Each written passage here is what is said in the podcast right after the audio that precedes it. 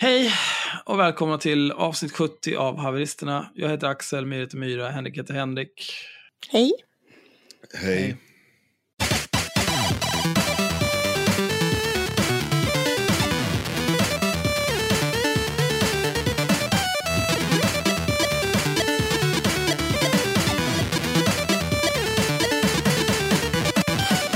Jag är extremt trött idag.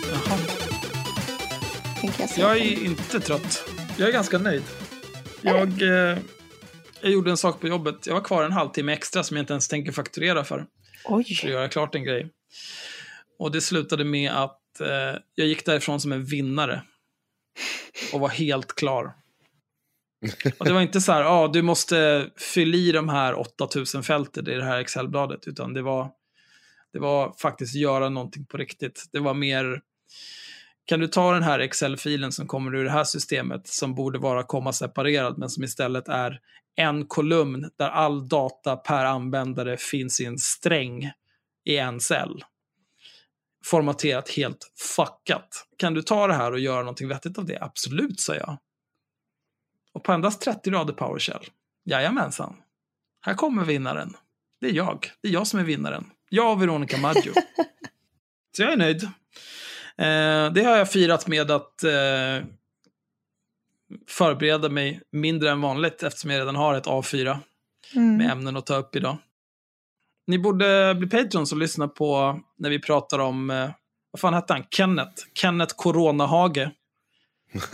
Som skrev i, eh, Expressen Debatt. Den smutsiga lobbyisten. mm, Mm. Idag är det tisdagen den 10 mars. Och det avsnittet släpptes idag. Wow. Avsnitt 26 som bara finns på Patreon. Fruktansvärt krispig content. Precis. Fram med pengarna. Eh, men Fram, nu vi kan ju vi... ge något slags innehåll i det. Jag, jag kan ju göra någon... Varför då? De får väl bli Patrons och lyssna. Ja, men, vi kan ju försöka sälja det lite Ja, bättre. nej, men bara, sälj- "Eh, kan du lyssna? Lyssna bara. Betala och lyssna. Ja, men sälj in det då. Sälj in det då, din kuk. Ja. Nej, men vi gör det källkritiska jobb som Expressen Debatt inte gjorde när de släppte in rovkapitalist på deras debattsidor för att sp- sprida skrik och panik. Och vi har med hjälp av, vad heter hon, Ida Wilkensson kollat upp. Jag har intervjuat Al Axel, Alex, Axel, håller hög läsning. Eh, och eh, ja, in och lyssna. Med det sagt så kan jag fortsätta berätta och öppna dagen. Eh, vi har ju tidigare pratat om att en, namn, en man vid, vid namn Jens Skarman kanske skulle kika förbi på podden. Jag vet att jag har fått några frågor om det. Jag vet inte när vi nämnde det. Men tyvärr verkar det inte bli så.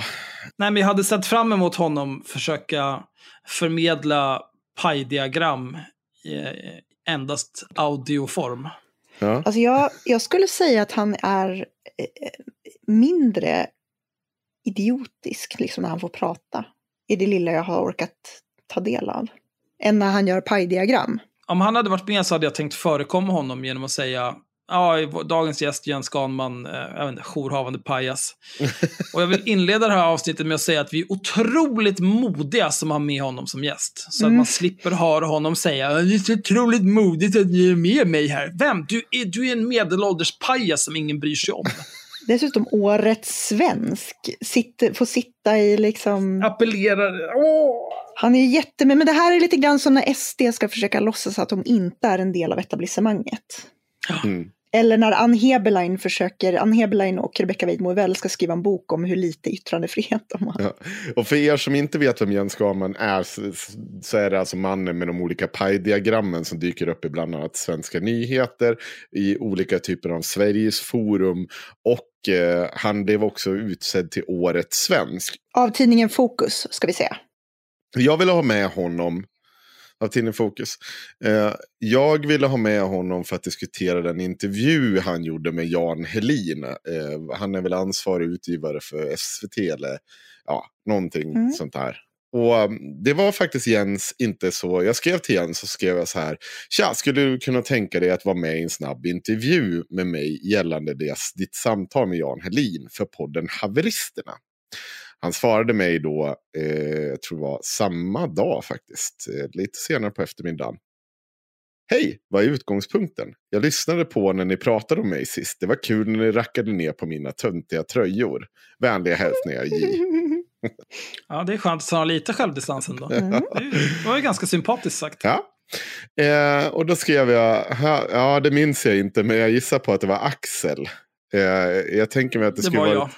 jag. Ja, det, vänta, vi kommer Jag tror att vi tagteamade honom där faktiskt. Ja, det är sant. Jag tror att jag hade tänkt på samma grej med det här med 13-åringsrebell. Ja, Mm. Okej, men låt mig läsa klart nu. Ni, ni kommer Ja, få läs svar. då. Vi får- Läs då. Läs. Jag tänkte att vi skulle vara lite meta och diskutera public service och miljön, eh, och miljön med utgångspunkt att du snackar med Helin. Dels det jag tycker var konstigt men också det punkter eh, som, hade, eh, som hade något jag inte är helt oförstående eh, inför kritiken mot public service. Eh, just denna gång tänkte jag att det bara skulle vara du och jag som snackade i intervjuformat. Och kanske under 10-30 minuter beroende på hur mycket tid du har. Eller eh, hur mycket tid du behöver för att svara. Jag hade såklart gärna haft ett helt avsnitt någon gång i samtiden. Eller i framtiden, men då måste vi ha lite mer förberedelse. Så vad säger du? Har du en stund över för oss? Och då svarar han. Eh, nej, det var Myra. Okej, men då tar vi ett helhetsgrepp lite senare då. Eh, jag är på resande fot just nu, längst upp i norra Sverige och har bara fläckvis tillgång till telefon och internet. Lev väl. Det här fick jag den 8 januari klockan 18.58. Sen hörde inte jag ifrån Jens något mer, utan den 28 så skrev jag igen till honom 28 januari. Tja, ska vi ta och försöka boka in den här in intervjun innan du går och blir Times Man of the eh, Century eller något sånt där, sa jag på skoj. Eh, fick inget svar på det, så att det gick en månad till innan jag skrev till Jens. Och så stod jag bara, hej Jens, tänkte höra om du har tid över till att medverka i vår podd. Och det är här någonstans det blir lite konstigt, för svaret jag fick var... Eh, jag vet inte. Skulle inte det bli lite konstigt i och med att du, jag och Axel är bukisar? Det är så jävla sjukt att Jens Skalman har legat med sin egen morsa. hade du förberett den där Axel? Ja, jag har suttit och sugit på den länge. Ah, snyggt. Mycket snyggt. Jag tänkte, Bam! jag tänkte säga så, nu är det ju så, varken så att varken jag eller Axel är 17 år och går andra året på gymnasiet. Så vi brukar ju inte sitta och skryta om våra erövningar för varandra. Och även om det vore så att vi visste vem exakt vem var som vi eventuellt hade som gemensamma nämnare när det kommer till sexuella relationer så är det fortfarande högst oklart hur det här skulle påverka vår förmåga att prata med folk. Vem så- fan bryr sig? Ja, vem Ja, fan men jag bryr har, sig? också så, jag har också så himla svårt att se personlighetstypen som skulle vilja ligga med både dig, Axel och Jens Ganman. Vadå, medelålders gubbar? Det är väl inget konstigt? Jag trodde inte att, såna, jag trodde inte att det var några som hade det som kink. Är inte det alla, alla är inte därför alla sd flyttar till Thailand? Nej, men så, nu visar det sig alltså att årets svensk enligt tidningen Fokus, den snart 49 år gamla Jens Garnman, är mentalt fast vid en ålder kring sent högstadie eller tidigt gymnasium och därmed inte klarar av att prata med killar som man tror sig vara bukis med. Och jag vart ju ganska paff så att det första jag svarar egentligen var bara va? Eh, och sen utvecklar jag det här och jag får inget svar. Och så jag skriver igen, vad menar du för någonting? Eh, och han svarar inte. Så det, det sista jag skriver till Jens Garnman, det är så här. Var det här någon slags märkligt försök till humblebrag om att du har fått ligga? Och i så fall, varför tror du att det skulle vara viktigt för mig eller Axel att veta? Jens Garnman har inte svarat på det här. Alltså, han är så sjuk i huvudet. Det är så jävla konstigt. När svarade han senast? Nej, nej, han har inte svarat efter han har sagt att vi var bukisar. Ja, men när var det då? Det var, vänta jag ska se. Uh, ska se här då. Ehm, 27 februari. Så det är två veckor sedan. Det är 12 dagar sedan. Är det. Så han har inte Ja, svarat. men det är ju extremt normalt beteende. Oerhört konstig grej att säga. ja. med det sagt Jens, om du lyssnar på det här, du är alltså mer än välkommen att medverka i vår podd. Men det är på ett jävla villkor. Och det är att vi låtsas som att det här aldrig har hänt under några omständigheter. Att jag är helt Nej, här- ointresserad Nej, av nej. att diskutera vad du har stoppat din gubbkuk. Det här ska vi prata så mycket om. Minimum en timme om vilka Jens Gahman har legat om. Ja, alltså kunde vi lägga en timme på samtalet med Cissi Wallin för att prata om definitionen på att vara obehaglig, eh, eller hota folk var det till och med, då borde vi ju kunna prata Ja. en timme om att och, och be Jens Ganman redogöra för sina sexuella erövringar så att vi kan lista, så att vi verkligen kan reda ut det här. Vad det här Fan om. Jens, har du legat med Sandra i 9B? Nej, fy fan! Ja, men är det, jag tycker det börjar bli väldigt, väldigt konstigt de här jävla högermänniskorna vi ska liksom försöka prata med. Vi hade Anna Björklund från Della Q som började yra om att alla hö- högermänniskor som hör av sig och säger att de har, eh, och, och påpekar vilka myra knullar med. Och nu är det Jens Mm. Garman som hör av sig och säger att han är bukis med mig och Axel. Alltså det är så jävla Men det, här, konstigt. det, det, men det här är ju någonting Men nytt. det är vuxna människor. Vem håller på så Men jag har här? en spaning. Jag har en spaning Ja. på exakt det här temat faktiskt. Därför att det jag såg på Twitter häromdagen var att Chang Frick eh, har skrivit, jag ska ta fram den, men det finns någonting i den här högersfären där de har liksom hängt upp sig på, eh, de har hängt upp sig på liksom, eh, speciellt kvinnliga meningsmotståndares sexualitet och ska pra- här, bara fokusera på vilka de har legat med. Inte det är jättekonstigt. Eh, I alla fall, jag har inte framme den som inte hade förberett det här, men kontexten är, eller det han säger ungefär är väl typ att Loan skulle ha eh, skulle ha liksom varit någon cougar som hade legat med någon nazistkille eh, eller något Ja. sånt där. Ehm, vilket är ganska likt det Anna Björklund höll på att tramsa om, att jag skulle ha legat med halva Sveriges nazister, trots att jag mig veterligen aldrig har legat med en nazist i hela mitt liv. Och då så skrev jag det, Det var inte särskilt tolerant av dig. Nej, jag vet. Men till skillnad från, till skillnad från människor som, som tydligen har dig, Jens Ganman och Henko som, eh, som urvalsgrupp så känner jag att jag har lite andra typer av krav på potentiella partners än att de ska vara bra på att skrika på internet. Men i alla fall så, det som jag, för då skrev jag någonting om det, att bara, det är så konstigt det där med de här höga människorna liksom, och hur besatta de är av att spekulera runt eh, kvinnliga meningsmotståndares sexliv och framförallt hålla på att antyda att de skulle ha legat med någon från, liksom, från deras eget lag, quote unquote. Och då kommer också Annika Strandhäll in eh, och kommenterar att hon också har märkt det där, för hon har också fått samma grej spridd om sig. Ja men sådär, Annika Strandhäll gillar att ligga med sverigedemokrater och nassar liksom. Men det är, det är tydligen någonting de gör, jag förstår det verkligen inte. Ja, nej, men det är väl kanske incelkulturen tar sig nya utslag, vad man ska säga. Liksom. Istället för att eh, Vadå, försöka för, bättra sig. Va? att man förlorar oskulden så jävla sent så att man tar igen det här 15-årssnacket när man är 49 år Ja, men jag gammal. tänker att de kanske, alltså när det kommer till hela det här med nazister och så vidare, att de, de kanske har accepterat nu att de aldrig kommer få ligga och sen så ljuger de om att de har legat med olika människor eller att folk som mig har legat med olika människor. Ja, för det måste ju vara någon typ av så här alfa, alltså att man ska... Jag vet inte, det, det är uppenbart problematisk kvinnosyn i alla fall. Kulturmarxistkvinnorna kan inte motstå en riktig alfakar som Ja, jag. men precis, det är det jag tänker att det bottnar i på något vis. När det kommer till i alla fall de här grejerna som att säga att alla alla antirasistiska kvinnor eller vänsterkvinnor ska ha någon hemlig fetisch för, eh, för nazistsnubbar. Eller så är det en projicering. Men, alltså, jag skiter i vilket, jag vill bara inte veta vem Jens Garnman är knullar med. Det skiter vi jag i. Kom, och det, det påverkar ju definitivt inte min, i min förmåga att sitta ner och prata med människor. Jag vet inte, det är inte så att man sitter Jag tror inte att det skulle ha kommit upp.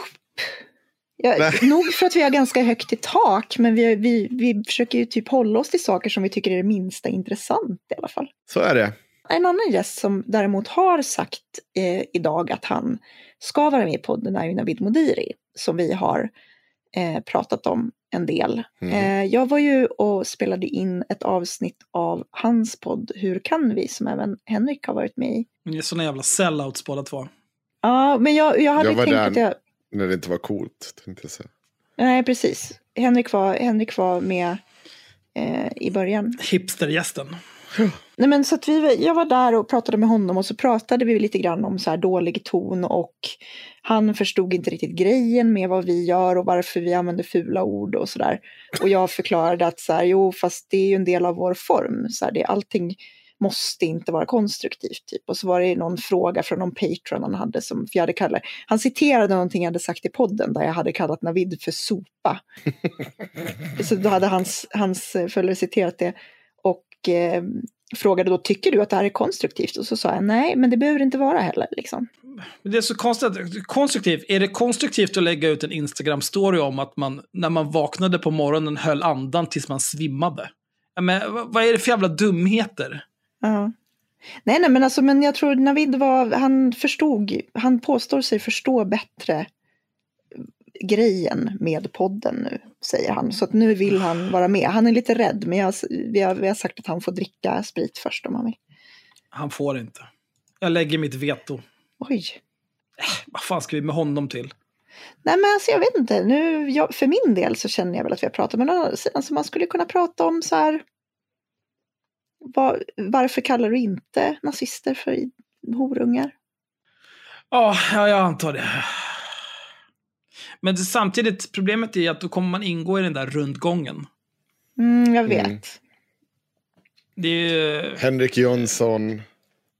Ja, alltså det var ju den största sorgen i mitt liv. När jag var, jag var gäst hos Jannik Svenssons podcast Samtal. Mm. Han har ju aldrig pratat med någon som, som någon någonsin har hört talas om.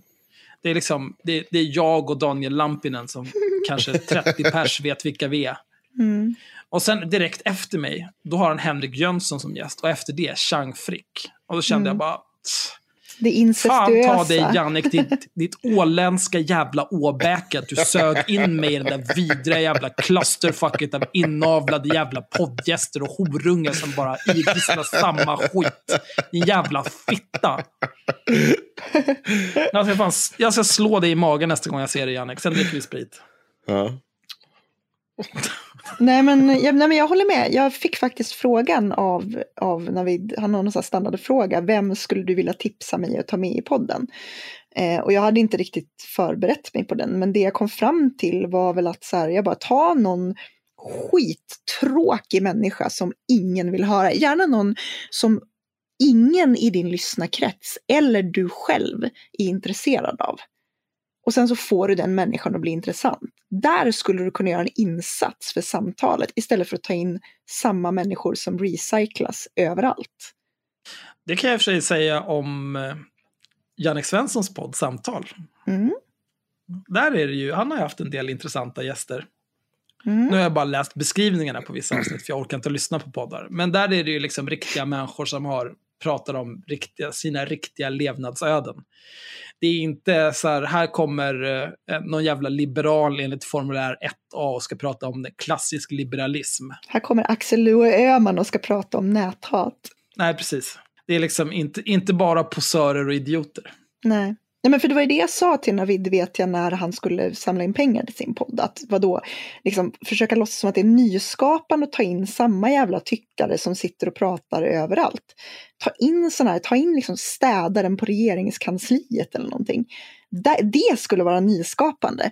Få, få tråkig politik att bli intressant. Där kan du faktiskt göra en insats. Eh, så att om någon har ett tips på en väldigt tråkig person som gör någonting viktigt som Navid kan ta in så kan ni ju höra av er. Oj. Ska vi? Nej. Ja, jag hade ju tänkt föreslå Elsa Dunkels nu, men eftersom du sa en väldigt tråkig person, då vet jag inte om jag vill lägga henne i det sk- skrået, Nej. kategorin. Men däremot så tycker jag, om man jämför de gäster som vi har haft och de som ingår i den där eh, Human Centipede, som är svenska politikerpoddar, Mm. Då, då tycker jag ändå att vi har lyckats lite bättre, för att då är det ändå så här, eh, vad har vi haft för gäster? Elsa Dunkels, då det var ju mest för att vi ville prata om porrfilter och ha, få mer, fler kulor att skjuta på porrfri barndom. Sen var det ju ett intressant avsnitt också. Vi har haft med Luai Ahmed för att Henrik ville skälla ut honom. Cissi Wallin Cissi Wallin för att hon är pantad och ställer upp. anmäler sig själv faktiskt. Ja, Ja. Hon bjöd in sig själv ja. Mm. till podden som har henne som favoritämne. Ja, ja men vad har vi fler haft för gäster? Fan, jag har förträngt alla våra Henrik gäster. Jönsson, Daniel Lampinen, Makoto Linna har vi haft. Eh, Daniel Lampinen hade ju varit roligare om det inte vore så att han plötsligt, så här, att folk som inte känner till honom tar honom på allvar och tar med honom i massa poddar. Mm. Han var ju roligare när han Wow. var Magmys-Micke liksom. Och Henrik Jönsson hade vi ju inte med för att vi ville sitta och idissla samma skit som han har idisslat i sin egen podd, i sin, på sin egen YouTube-kanal och i alla poddar han har varit med. Utan det var ju också för att vi ville skälla ut honom. Mm. Sen vet jag inte om den utskällningen var vår mest lyckade utskällning. Men det är en annan fråga. Nej, men jag, jag tror att det var ett ganska bra, alltså, så här, om man ska tala utifrån konstruktivitet så tror jag liksom att det blev en ganska tydlig diskussion. Jag vet inte, jag har inte, jag har inte orkat lyssna på det än. Men han, var, han verkade vara nöjd i alla fall när jag pratade med honom om det sista jag träffade honom. Tyckte att det hade varit liksom ett bra, en bra, ett bra bråk. Men då får man väl, får man väl vara nöjd, Ja. tänker jag. Jo, men han, är ju, han har ju bara fel. Det är inte som Mm. att han är liksom världens största jävla idiot. Han är ju inte ond, liksom. Han är bara korkad. Nej, det är ju svårt att bli arg på honom. ja. Det är bara, det är bara dåligt. Nu, nu sa du någonting och det var inget bra. mm. Det borde du inte ha sagt. Jag vet inte, jag, jag, jag, jag tycker att här, gäster är lite i och vi är så jävla många, det blir så jävla många. Jag tycker inte riktigt att här, gäster är bra för det här formatet, men däremot om, om någon idiot som vi har pratat om vill vara med, då känns det som att då tycker jag att det är bara artigt att säga att de kan vara med. Ja, kom till podden. Mm. Om det är någon, någon någonstans som känner sig kränkt. Ja, ni sa det här om mig eller ni sa det här om någon jag fanboyar för. Mm. Kom till podden så reder vi ut det där. Din dumma jävla apa. Mm. Men i övrigt så har vi ju två sossar på kroken. Fast Ja, eh, just det. eh, väldigt olika sossar. Men mer om det i senare skede. Ska vi ta någon typ av eh, ämne? Tycker jag. Är det någon som känner sig manad? Jag skulle vilja prata om idag eh, en, ett av mina särintressen senaste tiden. Eh, som jag har följt med mycket stor, stort intresse. Eh, jag vet också att eh, några av våra lyssnare har följt det här med stort intresse. Eh, det här handlar alltså om en, ett YouTube-drama kan vi säga. Som på sätt och vis blir det blir, det blir liksom så himla stort. Det här är alltså en av de största, eller har varit en av de största eh, kreatörerna på YouTube.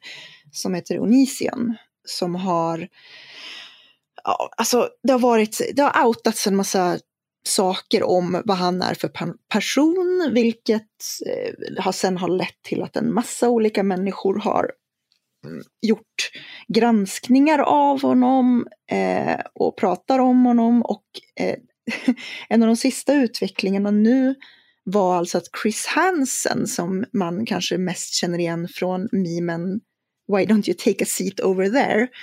Eh, alltså en journalist som hade ett program som eh, syftade till att, att typ bejta och sätta dit pedofiler eh, i olika, som underhållning. Eh, har blivit inblandad i det där, för han har nu skaffat en YouTube-kanal. Och då en show som heter Take a seat with Chris Hansen, vilket är roligt. För att vi lever i 2020 och allting är en parodi av sig själv. Den mörkaste tidslinjen. Mm. Ehm, så han blir också inblandad där och börjar reda i det. Och sen så blir det ännu mer drama därför att någon av hans medarbetare har liksom fått in eh, bevis som ska vidarebefordras till FBI som sedan har slarvats bort. Och det har liksom bara varit så här kaos eh, i alltihopa. Och det har varit fruktansvärt underhållande att följa. Eh, den här personen då är ju eh, eh, Onision som heter James Jackson som eh, var som sagt en av de största, en av de hundra största eh, på YouTube under en period. Vad gjorde han för slags content? Ja, alltså det är det där på, på den tiden när han började eh, så var det ju ganska mycket så här, man, det var roligt att gå runt och vara väldigt random. Men han, sen gick han över också till att göra, han gjorde en del gaming content, och, men det var mycket så här sketch, komedi. Okej. Det var lite annan kultur på YouTube på den tiden. Men sen så hade han också en kanal där han bara pratade om åsikter han hade och han hade väldigt ofta väldigt, eh, väldigt Kantig. väldigt kantig. Eh, bland annat så hade han en del utläggningar om, om varför man skulle vara vegetarian. Eh, han pratade väldigt mycket om så här, omskärelse och varför, man, varför det var så hemskt. Och eh, hur, liksom, om abort, han skulle prata om abort hela tiden och sådär. Det här är ju inte alls min typ av person eh, att lyssna på överhuvudtaget. Så att jag hade ingen koll på honom innan det här. Men det visar ju sig sen då att han har ju liksom hållit på med det här ganska länge. Han har haft en väldigt stor plattform på YouTube och tjänat bra med pengar. Eh, han har också haft olika webbsidor vid sidan av. Eh, där han har haft forum. Och han, det här är någon typ av konstig narcissist liksom. Under någon period så skulle han starta en egen kult. Det här är alltså en sån person som skulle ha blivit, han hade kunnat bli liksom Marshall Applewhite från Heaven's Gate eller Jim Jones från People's Temple. Alltså han har, tycker väldigt mycket om att liksom vara eh, i kontroll över människor. Det här har ju då gått En, ut en över... narcissist. Ja, och det här har ju då liksom gått ut över såklart eh, hans flickvänner. Han har också avslöjats med att han har haft en, en viss fäbless för att grooma eh, unga fans. Um, och det var väl det som liksom kom ut som blev den stora grejen som nu sänkte honom. Eller det har inte sänkt honom än. Däremot så har hans Patreon blivit borttagen. Och han har ju pratats om precis överallt. Det som ska ha hänt är att den här mannen då som är i 30-årsåldern eh, börjar med att han träffar en tjej då som vid tillfället är I den här mannen, är det den här Chris Hansen? Nej, Onision. Ni, ja, men är inte det samma person? Nej. Aha. Chris Hansen är ju journalisten som, eh, han som, hans meme-journalisten som nu håller på att utreda honom för att han är en Ja, predator. Gregory Jackson, known as Onision. Mm, Gregory Jackson eller James Jackson, han har bytt Gregory Daniel Jackson, han har haft lite olika namn. Ja, okej. Mm. Han har också skrivit böcker, han håller på med jättemycket konstiga saker, men framförallt så har han väl varit jävligt edgy och, och liksom pratat mycket om eh, att han är så fantastisk på alla sätt. Ehm, han är född 85 för övrigt, så han är lika gammal som jag. Usch. Mm. Ta ansvar. Ja, han, han träffar alltså ett fan som är mycket yngre eh, under tiden han är gift med en annan kvinna. De träffas och hon är vid det tillfället för ung, hon är 15 ungefär. Eh, och så fort hon blir laglig liksom så, så är det så att han såklart blir ihop med henne.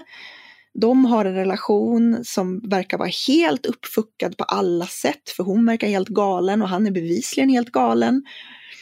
Eh, och så håller han bara på så här. Det finns flera sådana historier där han liksom har groomat olika följare.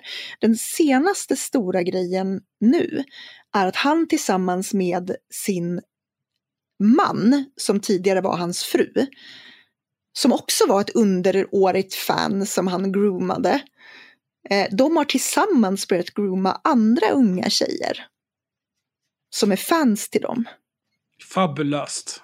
Alltså det, det, är så, det är så komplicerat hela den här grejen. Och det är ett sånt trainwreck. Så det är svårt att bara titta bort när man börjar liksom gräva ner sig i det här. Så det här har jag hållit på och bara liksom sänka mig själv i det här, den här galenskapen som har pågått hur länge som helst. Varför gör du så här? Nej, men det är ju superintressant därför att det som, det som är grejen också är att det här har liksom varit, hur, hur, hur kan man hålla på så här? Hur, hur går det till? Hur menar du? Alltså att hur du, hur du groomar folk eller hur, Nej, men hur du, du kommer du... undan med det och sen också nu eh, liksom hur det kan vara så mycket drama i en enskild människas liv. Det är, det är nog inte så konstigt. Alltså, är, är man en total galning, då beter man sig totalt galet och då, då blir det så där. Eh, Det finns, det finns ju ett, ett exempel som ligger nära till hands. Mm. Eh, eh, Va? ja, just- Om man tycker att det är liksom intressant att följa olika typer av, av så här, totala jävla trainwrecks så är det här bland det, det mest intressanta på länge. Men Just för att Det är lite som, jag, jag får intrycket att det är som att följa det. eh, Jag försvann iväg ner i kaninhålet som är eh, The Antword och vad heter Ja. han? Eh, Att han, han har gjort samma grej ju. Han har också groomat fans. Ja, han har ju anklagats ju för, och sen det verkar vara någon slags jävla youtuber som har fått, fått fatt i typ all jävla sms-konversationer och Mm. allting. Och man bara sitter och tittar som att, men hur hamnar det här på YouTube? Hur, vem, varför inte det? Alltså, hur jag det missar det, att- här? Youtube är ju typ en alternativ nyhetskälla numera. Du har ju alla de här Alltså du har ju folk som gör fantastiska granskningar på saker som inte vanliga media ens bryr sig om eller inte har koll på. Speciellt när det gäller sådana internetpersonligheter då som Onision. Så är det ju inte, så media fattar ju inte, de är ju, fattar ju inte vem han är. Det spelar ingen roll om han har miljoner följare. Men, men alltså det, det finns så mycket i det här som gör det svårt att riktigt förklara. Men bara en sån sak som att han alltså träffar sin fru, eh, groomar henne, hon är liksom en fangirl verkligen som sitter och kontaktar honom och, och sitter och liksom senpai notice me. Eh, och hon sen då eh, byter kön, så nu är det hans man. Och sen så ska de ta in någon tjej, för då har hon kommit på att hon är bisexuell och då ska de ha någon så här, då ska hon ha en flickvän för att han har någon sorts kuckfetisch och det är bara så här, allting är bara så jävla konstigt. Han har, gjort en, han har gjort en sång som heter Grooming Song. Ja, ja, men han har ju, han har ju försökt driva med mycket av det här. Eh, men han är en, jätte, det är en jätteintressant och fuckad person på så många sätt. Och liksom hur eh, de här människorna runt honom liksom dras in i den här galenskapen och hans fru då som är, eller förlåt mannen nu, som, som sen då själv börjar grooma folk. Eh, och, och, och så går, kommer de här ut, de här tjejerna, och en av hans ex är helt galen. Så nu har ju hon börjat bete sig galet mot och börjat anklaga folk som ställer kritiska frågor för att själva vara predators och typ försöker skicka sina följare efter dem. Så det är bara, det är bara en sån total clusterfuck. Eh, och det har varit ganska mycket sånt där på YouTube. Och det, har väl, det är väl lite så här metoo-eran, tänker jag. Det har ju också avslöjats att en, en kille som eh, som jag glömt bort vad han heter nu, men han eh, gjorde ju, mm, var ju musiker och la upp grejer, covers på YouTube. Och åkte sen dit för barnpornografibrott därför att han hade också hållit på att grooma fans eh, som var liksom i 13-14 års åldern. Så att, ja, jag vet inte, det, det har varit ett så här extremt djupt kaninhål som jag har grävt ner mig i under flera veckors tid och det blir bara konstigare och konstigare. Och allting finns ju dokumenterat. Jag tror att det är det som är som gör det så fascinerande. Om man skulle jämföra med typ eh, Jean-Claude Arnault eller vem fan som helst så är det ju mycket liksom berättelser. Medan i de här fallen när det gäller YouTubers eller bloggare eller liksom publika personer på nätet så finns ju allting dokumenterat och sparat. Så det, det får mig liksom lite att undra så här. Hade Jean-Claude Arnault kommit undan med det som han gjorde idag? Eller hade han åkt fast? Om han inte var en boomer. Ja. Har internet liksom gjort det svårare för den här typen av galningar? Oj, ja. Åh, fast lättare också eftersom ja.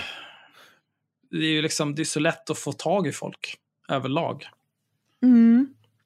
Det är, just, det är precis som liksom byfåne-effekten.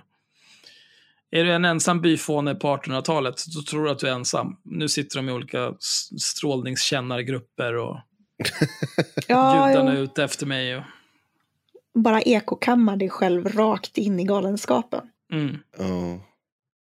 Men det, jag, ty- det- ja, som vi, tillbaka till just det där. Jag satt och kollade på hans, alltså gick igenom hans video, för jag har inte kollat på det här.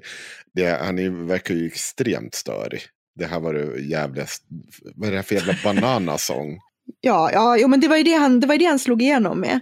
Det var, ju- men det där, varför så, där ju- var ju, så där var ju YouTube på den tiden. Det kan vara så här, Det är 11 år sedan, varför håller han på och tjatar om sin bananasång fortfarande? för det var, det, han, det var då han blev känd, för att den visades på tv. Det fanns något program som, eh, som bara visade liksom olika klipp från internet, så han blev ju viral med det där. Det kommer jag ihåg en, en gång i tiden när de gjorde bara liksom som, ja men det var, vad heter de här, funniest moments grejer, fast de gjorde det på kanal 5 klockan halv tre på natten i en timme. Och så, så fick man bara, vad tror ni händer nu när han kommer på den här motorcykeln mot ett trä? Kommer det vara pungen han slår i? Fast på engelska och så jättedåligt. Och så fick man se det här klippet.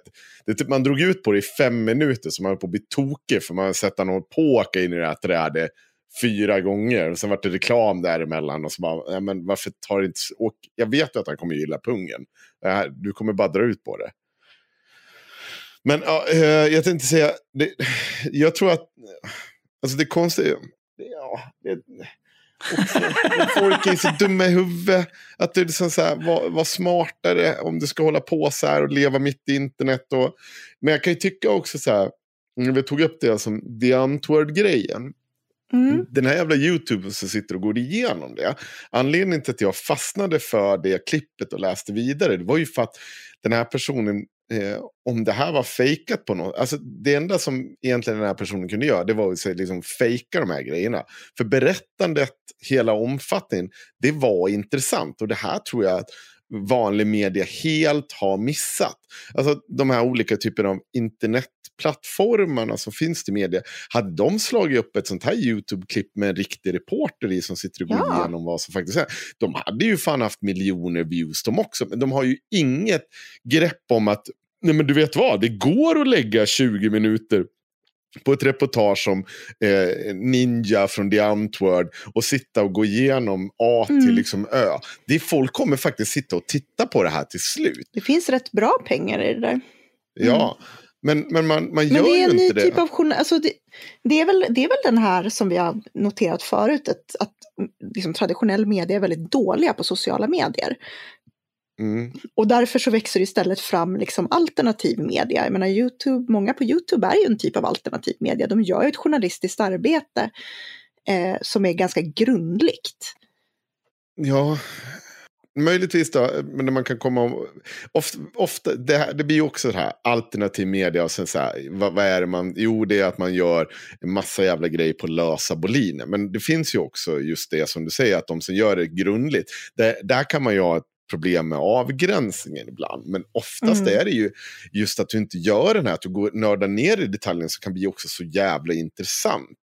Precis. För det är ju lite svagheten med, med etablerad media idag tror jag. Att eftersom de har förlorat så mycket pengar på, på internet eh, så, så måste ju alla reportrar bredda sig och göra allt. Istället för att, jag menar det är ju ingen, en youtuber som får pengar för reklam på YouTube eh, kan ju sitta och bara gräva ner sig i eh, Diantword eller Onision eller vad det nu är i flera månaders tid och tjäna ganska bra på det. Medan en reporter anställd på en tidning idag måste kanske skriva om 50 olika ämnen på en dag och det gör liksom att du får inte den här typen av djupa reportage eh, särskilt ofta. Och jag tror att det är ett misstag. Att, att man liksom har man har övergett väldigt mycket av det där till förmån för clickbait och liksom TT, eh, och, ja, rewrites och allt det där. För att man tänker att det är billigt och det är det folk kommer klicka på. Men jag tror att folk vill egentligen ha den här typen av djupdykningar. Mm. Jag, jag tror att den trenden kommer vända i och för sig, men ja, vi får väl se. När man gick ut på internet så kunde man liksom inte, man hittade inte formen för att anpassa Eh, ja, men liksom, så varför skulle inte Aftonbladet kunna finnas på 20 minuters långa jävla genomdragningar på, Mm. eh, på YouTube? Eh, på någon halvlåst kanal där man får se hälften och du får betala, inte fan vet jag. Det går nog att lösa det där, eller ta reklamintäkter och sen liksom börja titta på sådana här. För att det jag kan tycka många gånger det, det är att man sätter ju en jävla hög svansföring när man säger att ja, men vet du vad, vi måste faktiskt ta hänsyn till det här pressetiska systemet och sånt och bla bla bla. Sen bara i nästa handvändning bara, ah Jessica Almenäs, hon vart påsatt av den här killen i garderoben, det var inga problem. Så man bara, ja fast va, är det verkligen så? Ni kan nog spåra det ganska ordentligt ni också, välj en linje. Era nöjesidor har ju, verkar ju ha någon slags undantag för allt sånt här. Så varför skulle ni inte kunna göra ett längre nöjesreportage på det här sättet? Nej men precis, och jag, jag tror ju att det är liksom där, det är dit vi måste också därför att skillnaden här är ju att de här youtubersarna kan ju sitta och, och liksom sitta hemma i sin källare och nörda ner sig i ett ämne och internetdrama eller vad det nu kan vara. Eh, och ett av problemen är att väldigt många inom etablerade medier tycker liksom inte att det här är särskilt viktigt. De bryr sig inte så mycket om, eh, om någon på, på YouTube har avslöjats med att grooma sina fans. Eh, trots att den här YouTubern har liksom två miljoner följare. För att man har liksom inte riktigt greppat eh, internet. Mm. Jag skulle gärna se mer av den typen av, liksom, fan de kan väl hyra in en youtuber för att göra någonting åt dem om de vill göra det. Alltså om de nu inte kan avsätta någon av sina egna reportrar. Skillnaden är väl det att eh, det krävs en liten annan person om du jämför typ Jarl Alfredrius läser nyheterna mm. med vad som drar views på YouTube till exempel. Så jag kommer ihåg den där som eh, han som du skickade, Zachary Michael. Mm. Eh, som är eh, en, en otroligt bögig man. Helt fantastisk. Ja, det är svinbra. Så jag har tittat så otroligt mycket på det de senaste dagarna. Det är också ett bra kaninhål. Ja, men det enda han gör det är ju att han sitter och tittar på videor som görs av andra och sågar dem. Mm. Men eftersom han har, han har en personlighet som gör att det är, liksom, det är ett perfekt format och ett perfekt koncept. Mm. För det är precis lagom mycket av allting. Ja, jag skulle ju aldrig titta på videorna han... Alltså jag skulle inte vilja titta på originalvideorna för de är inte intressanta för mig. Nej, det är bara tråkigt. Mm. Så man vill ju ha nät, näthatet. Det är det man vill ha. Ja, jag tycker dessutom att det som är så fantastiskt med honom är att han lyckas ju liksom träffa den där perfekta balansen mellan att vara liksom sassy och jävligt elak och samtidigt framstå som att han faktiskt bryr sig liksom om personen. Ja, det, det, det, är ju konstruktiv kritik fast tough love liksom. Ja. Jag hade faktiskt en tanke om att jag skulle göra för våra Patreon-avsnitt så ska jag göra en Eh, när, jag, när jag ska hålla i Patreon-avsnitt så ska jag ta upp lite sådana här olika internetpersonligheter och presentera dem och så kan vi diskutera dem. Mm. Där finns det ju ljudklipp och allt möjligt nämligen. Jag tycker att det är väldigt roligt med sådana här olika typer kaninhål runt knäppa människor som startar massa drama.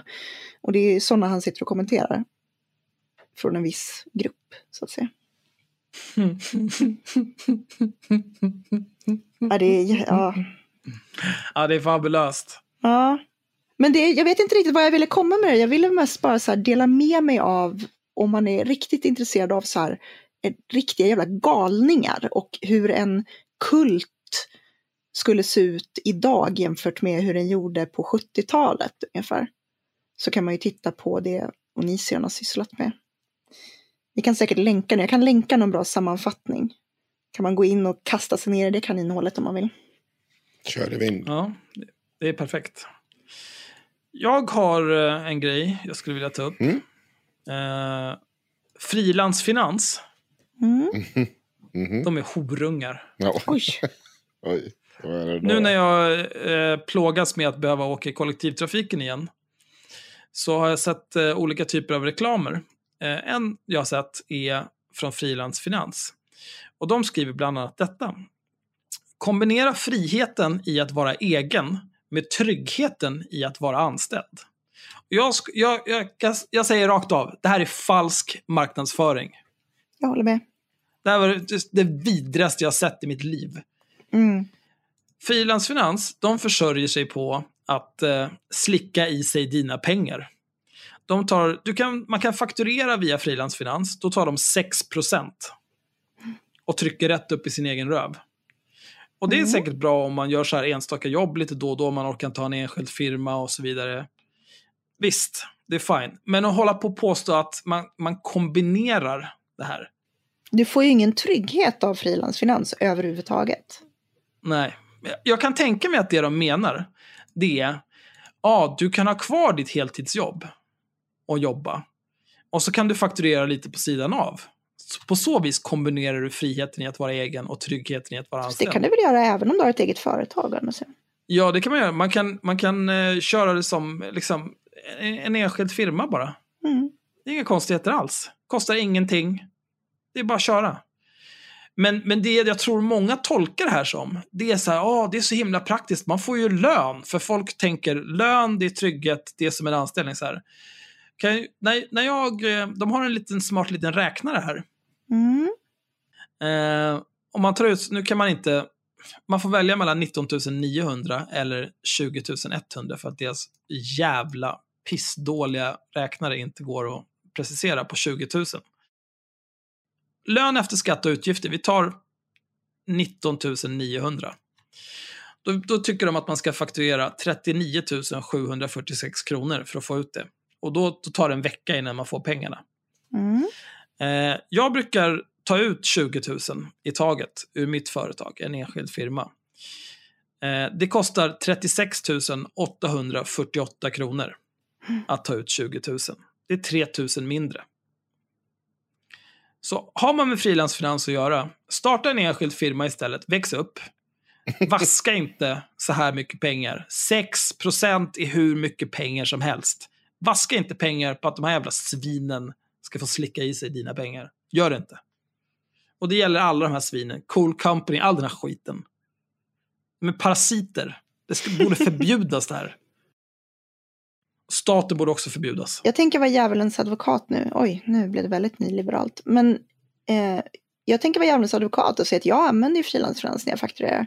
Jag tycker, att det med det. ja, men jag tycker att det är så här, jag tänkte starta eget företag och sen så insåg jag att jag är totalt eh, inkompetent och att det är ganska värt för mig att eh, för mig kan det vara värt 6% för att ett, slippa ha framförhållning med när man skickar fakturor.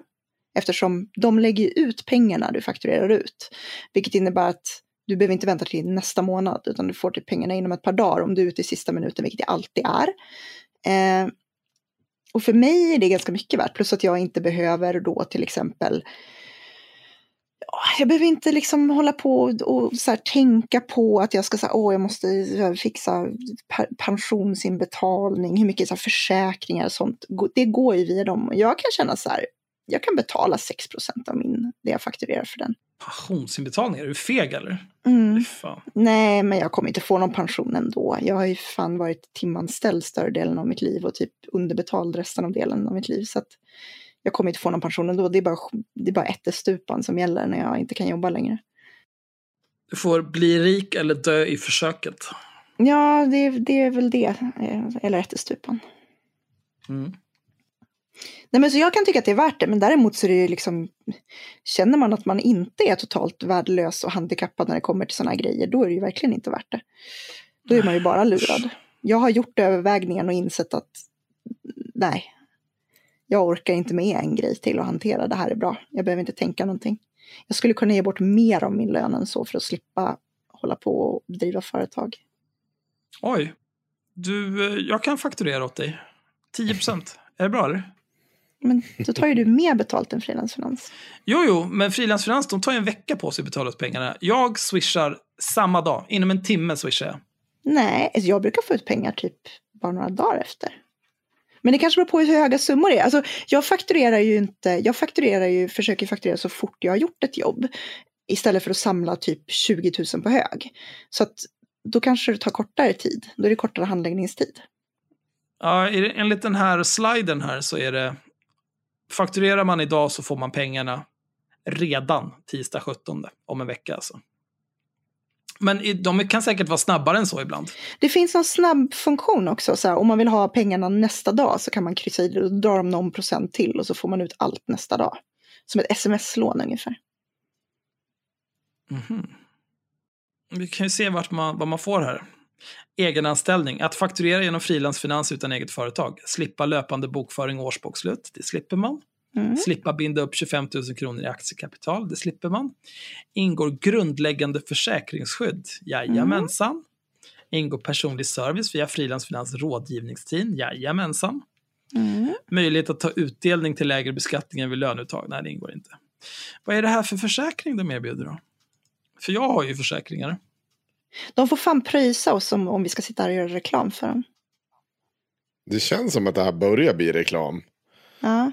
Nej men det, alltså ingenting av det här är ju bra. Mhm. Nej, alltså jag, jag, jag är bara djävulens advokat där och säger att jag tycker att eh, pengar är för mig underordnat eh, min mentala hälsa. Så att av den anledningen så tycker jag att det är värt det. Jag tror att det är många som det inte är värt det för. Och sen så tycker jag, håller jag med dig om att deras, deras marknadsföring är lögnaktig. Ja, nej, de här försäkringarna, nej. Nej. Alltså jag kan jämföra, jag betalar för mina försäkringar typ 1500 spänn per kvartal. Mm. Och det inkluderar personförsäkring, ansvarsförsäkring, all möjlig jävla skit. Ja. Nej, alltså jag räknar ju med att det är en jävla waste of money hela grejen. Jag tror inte att det är en bra deal på något sätt. Som sagt, den, den bra dealen för mig är bara att slippa bry mig om eh, min ekonomi så mycket som möjligt för att ha ork att fokusera på saker som inte får mig vilja skjuta huvudet av mig. Och det är ovärderligt. Ja, nej, men då kan ju du gå kapitalets ärende på det här viset. Och så fortsätter jag tycka att frilansfinans och alla de andra är horungar. Det går bra. Jag skulle hellre vilja att staten gav mig det där. Jag har, jag har ju förespråkat det här länge. Jag skulle vilja ha en statligt frilansfinans där alla sådana här, alla småföretagare istället för att ha egna jävla företag skulle kunna vara statligt anställda eh, i, i en, en statlig version av det här. Det här låter som kommunism. Jag säger Ja. nej. jag tänkte också. Jag var tvungen att tänka så här. "Men Vad vänta nu, det här känner jag igen från någonstans. Just det, Stalin. Ja. Nej men vadå, vi har ju så här, vi har ju jättemycket småföretagare i Sverige. Istället för att de ska vara egna små företag så skulle de, skulle de ju faktiskt, och typ lägga massa jävla tid på skit, så skulle det där kunna liksom bara finnas en funktion för det. Det är en service, det är, så här, det, det är en bra service. Det skulle i och för sig vara grymt om vi blev, om Sverige blev stalinistiskt och de bestämde att nu ska Stockholmssovjeten ska producera egenföretagare. Alla i Stockholm är nu egenföretagare. Ja men så ska det inte Ja, ja. vara. Jag menar alltså att det ska finnas en tjänst. Jag menar inte att man ska tvinga alla att bli egenanställda. Det är ju värdelöst. Det är ju bara, det är bara någon sorts, så här, jag vet inte, Henrik Jönssons våta dröm. Ja, då har vi nog slagit över. Ja, jag menar mer att så här, om jag nu vill till exempel frilansa som skribent, vilket innebär att jag måste fakturera, eller jag vill göra någonting annat där jag måste fakturera, så vill inte jag behöva vända mig till en privat aktör som ska liksom mygla ur mig mesta, största antal pengar. Jag vill kunna gå till staten och säga så här, hej, jag vill göra det här, men jag vill inte hålla på med allt ert jävla pissiga pappersarbete, bara för att ni inte har kommit på ett bättre sätt att lösa det här på. Mm. Och sen så kan jag bli anställd via dem istället. Och så kan jag slippa det här. Mm. Jag, jag känner spontant att det där låter som att mina skattepengar kommer gå till administrationen av det här och det har jag ingen lust med. Nej, nej, du får starta eget. Nej men de får ju in skattepengar av att ta procent av, av det jag fakturerar. Precis som frilansfinans gör. Fan, staten tar nog procent som det är, de ska inte ha en krona till. Ja men då har de ju det för att underhålla systemet ju. Ja, jag, jag är kluven om jag tycker att det här är den vidrigaste nyliberalism eller den skändligaste kommunism. Jag vet bara att jag inte gillar det. Jag vet en annan sak jag inte gillar i alla fall. Eh, som Ja. har med staten att göra. Och det är Sverigedemokraternas förslag om att eh, man, skulle, man ska kunna straffa enskilda journalister inom public service. Har ni sett det? Det är väl ett jättebra förslag. Tycker du det? Pratade inte vi om det här förra avsnittet? Nej. När Axel sa att de hade blivit fascister på riktigt. Nej, nej, det var... Vad var det vi pratade om då? Vad hade det de var- gjort för Då först- var det Nej, men någonting det, annat. de har, Ja, jo, det var, det var fascismen. Nej, Ja. ja. fast de hade, det var, nej, de, det här kom De har gjort så mycket som är efter. fascistiskt de senaste Ja. tiden. Ja, men det, är därför jag blev, det var därför jag blev förvirrad. Ja, det här kom, det här kom efter 27 februari kom det här ut. Jag tror att vi spelade in eh, förra avsnittet. Eh, Jag försöker bara komma på vad de gjorde för fascistiskt förra gången. Jag kanske kom. Nej, jag tittar här i det andra dokumentet nu. Ja. Det är, jo, men det var om public service det? opartiskhet också. Var det det? SD har behotat medarbetare och fackligt aktiva. Eh, Ja. och det var Bandidos topp friad för 37 skjutvapen av nämndeman från SD såklart. Mm. Och även fråga ut public service-cheferna om opartiskhet i kulturutskottet. Precis, det var det. De ville kalla dit public service. Men nu har de ju också även gett förslag på att man ska sätta dit någon slags politisk eh, grupp som ska fördelas efter mandat. Nu känner ju SD vittring här. Nu kan de bli Mm. största partiet och då vill de gärna ha kontroll över public service och även alltså som politiker gå in och styra i innehållet. Eh, precis som Orban har gjort och så vidare. I Ungern. Och Linus Bylund går in och försvarar och säger att man ska kunna också straffa enskilda eh, journalister eh, och, eh, istället för ansvarig utgivare. Vilket är helt galet. Ja, detta trots också ska man komma ihåg att eh, trots, det, det, fin- det har kommit en ny studie som visar att public service inte tränger undan kommersiella medier. Visar en stor Mm. studie. Och det här har ju vi gnällt om också. Att vi får, vi får inte komma upp på poddtoppen bara för att det är jävla äckliga Peter-dokumentärer. Jävla eller sånt där. P3 Dystopia. Ja, precis. Men det visar en jättestor studie från... ehm, eh, så här ser det. En ny studie omfattas, eh, omfattar samtliga 28 länder i EU visar att kommersiella medier kan gynnas av ett starkt public service. Och, eh, och sådär. Men jag- för att återanknyta till just det här med vad de håller på med inom Sverigedemokraterna. Det där är, jag tycker det är så fascistiskt, som du sa förra gången. Det, det, är liksom så här, det finns ju ingenting annat. Det här är ju, handlar ju om att bara ta kontroll över media, styra vad vi får för nyheter. Det är inte längre en diskussion om att sitta och bara gnälla om att det är, äh, det här är för vänstervridet. Nu vill man ta kontroll över media och kunna säga så här att om du har varit en olydig liten jävla journalistjävel, kan jag kolla upp dig hit så kan du få smisk på rumpan. Det var ju exakt det här Orbán gjorde. Ja, men var inte också något sånt, var inte det någon sverigedemokratisk politiker som försvann för att han hade hållit på och sagt att folk skulle komma upp på hans rum och få lite smisk och sånt. Jag vet inte vem, det var någon typ av politiker som försvann efter valet. Eh, Jag, jag säger inte på något sätt att det är Linus Bylund som försvann efter förra valet också. Men jag bara säger att det var någon typ av politiker som försvann efter valet. Oavsett, jag såg också att även Anna Björklund från Della Q tyckte att det här var rimligt. Och hon säger att hade det i och för sig varit rimligt om jag hade varit ansvarig över vad jag säger i SR istället för att någon fyra led över mig som inte kan vara insatt eller påläst i ämnen. Ibland inte ens hört programmet. Ja, ja, men ja, ja. Precis som det här skulle vara en ja-ja-grej. Och det är väl klart, sitter man och slickar röv, liksom makten i röven så är det här superenkelt. Eh, Är det Mm. sossestyre och man sitter och är en lydig liten eh, eh, flicka åt sossarna, ja då är det superenkelt att vara journalist. Men det problemet är när man ska försöka driva med de som är liksom styr. Och du blir uppkallad till pappa Linus Bylund och ska få smiss på rumpan eller bli av med din lever. Då, då blir det inte så jättebra rapportering. Och det här verkar inte folk riktigt fatta hur allvarligt det är. Nej, alltså jag, jag tycker att det är lite oroande därför att man måste ju, man kan ju fan räkna ut med arslet och en krokig pinne att det här handlar inte om att SD vill tvinga journalister att vara opartiska. Eh, Liksom det, det är väl uppenbart av mängden gnäll SD bidrar med varje gång någon kritiserar dem Mm. att det handlar inte om att de vill ha opartiskhet. Eh, det handlar ju om att de vill, de vill skydda sig från kritik själva. Mm. Eh, att, de har ett, att de har ett, i princip ett inofficiellt partiorgan som sitter och eh, hittar på att det finns vapengömmor som inte finns för att misstänkliggöra olika typer av invandrare. Det är tydligen inte opartiskt, det har de inga problem med. Nej, men det, det, det är ju, de, är ju inte, de är inte public service, det är så man resonerar där. Det gör ju, de får ju finnas, de får ju säga vad fan de vill. Men på public service får man inte sitta och rapportera om det mm, på samma sätt. För han säger så här. det är ingen som blir av med lönen i två månader eller får sparken. Det hotet måste finnas där, säger Bylund. Varför måste det finnas det? Nej, det för, för, att, För att de är fascister? för att du ska vara rädd om ditt... Ja, precis. Du ska vara rädd om ditt jobb. Du ska inte säga fel saker. Och det är väl Mm. det som gör det vidrigaste. Alltså, om du är en journalist så ska du ju våga ta i de svåra frågorna. Det är ju det här de har sett och gnällt i.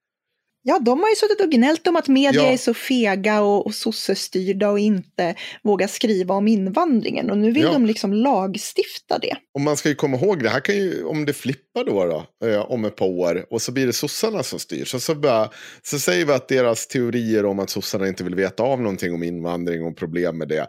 Ja, då åker ju, rullar ju huvuden på grund av det också, era jävla äckliga. Fast det är det här man, man tänker sig att om vi bara får kontroll över det här så kommer inte det ske, för då kan vi stoppa. Då kan vi bara införa det Pravda vi vill ha. Mm. Eller avskaffa public service och ersätta det med avpixlat. Så får vi se när Mats Dagerlind sitter och tar på sig själv samtidigt som han hittar på fria fantasier om magiska köttbitar och eh, olika Mm. typer av eh, uppätna... Bästa julvärden någonsin. Jag, jag vet inte, men det är liksom så här. Jag, jag kan bli så jävla irriterad på när man ser också så här, som Anna Björklund som satiriker, inte som inte ser problemet i det här. Är du sjuk i huvudet? Är du helt jävla tappad i dumträt? Det är klart, än en gång, är det, du sitter och slickar röv på makten, men som satiriker ska man inte man sitta och slicka röv på makten. Då ska man vara lite edgy, men det kanske Mm. inte är så intressant. Jag vet inte. Jag tror att det är vad man kallar en husjournalist eller hussatiriker. Oj. Jens Ganman. Mm. Men medan vi är på SD så tog du upp det här med innan också plastpåsarna Myra. Vill du hoppa på den? Mm. Ska jag spela upp klippet först och främst? Jag har det framme om du vill. Ja, har du det framme nu så kör. Ja, vänta då. Då kör vi. Det är bara 12 sekunder här. Dessutom är det risk att eh, smuggling av plastpåsar kommer bli en ny gruva för, guldgruva för de kriminella gängen. Värdet på eh, insmugglade plastpåsar kan vara upp till dubbelt så mycket som på insmugglad sprit. Och eh, det kommer belasta tullen och deras redan knappa resurser. Nu går resan vidare idag till Mm? Du kan ju berätta vad som är, det handlar om. Ja, precis. Yeah. Vi hade ju ett, ett samtal eh, i podden för ett tag sedan om eh, Alexandra Hedborg. Eh, när hon hade sagt att nu hade hon varit smart och minsann köpt miljövänliga plastpåsar för att hon skulle lura eh, de här dumma sossarna som hade infört skatt på plastpåsar och så skrattade vi åt att det var ju precis det som var poängen. Och då var det faktiskt hon som taggade in mig i det här, den här nyheten. Lite självdistans. Ja, hon hade faktiskt det, det ska jag ge henne. Hon taggade in mig under den och så skrev hon eh, så cringe, gråtskrattsmiley, Myranosaurus, om ni tyckte att jag var korkad så får ni inte missa detta. Och då skrev jag fantastiskt roligt, för det är det. Så det, det tänker jag ge henne, att hon hade lite självdistans. Och det här är ju faktiskt, som het tagning på plastpåsefrågan, är det ju mycket, mycket roligare än det hon hade. Mm. Det är väl tre sverigedemokrater som reser runt i landet och eh, letar folk som är kritiker, kritiska till plastpåseskatten. Tar i de viktiga frågorna, Sverigedemokraterna, Ja, som ja. ingen annan vågar. Men det är också, jag försöker hitta hur mycket smuggelsprit det säljs för per år i Sverige. Eh, det enda jag hittar här är något trams från 2015. Där de har lite statistik över hur mycket som har förts in. Det går lite upp och ner, men 2014 så var det 68 000 liter sprit. 57 000 liter vin och alkoläsk. Och 412 000 liter starköl. Det känns som att det där kan bli ett par miljoner. Det säger mig inte så jävla mycket. Hur står det sig mot hur mycket Systembolaget säljer till exempel? Eh, nej, men jag tänker mer på vad man kan tänkas tjäna på det här. På den här smugglingen. Ja, det är ju mycket pengar. Om de påstår att den här eh, plastpåsesmugglingen kan vara värd dubbelt så mycket. Om vi tar bara spriten, 68 000 liter. Om vi säger att du kan få en hundring för en liter smuggelsprit. Nej, så dyrt tror jag inte att det är.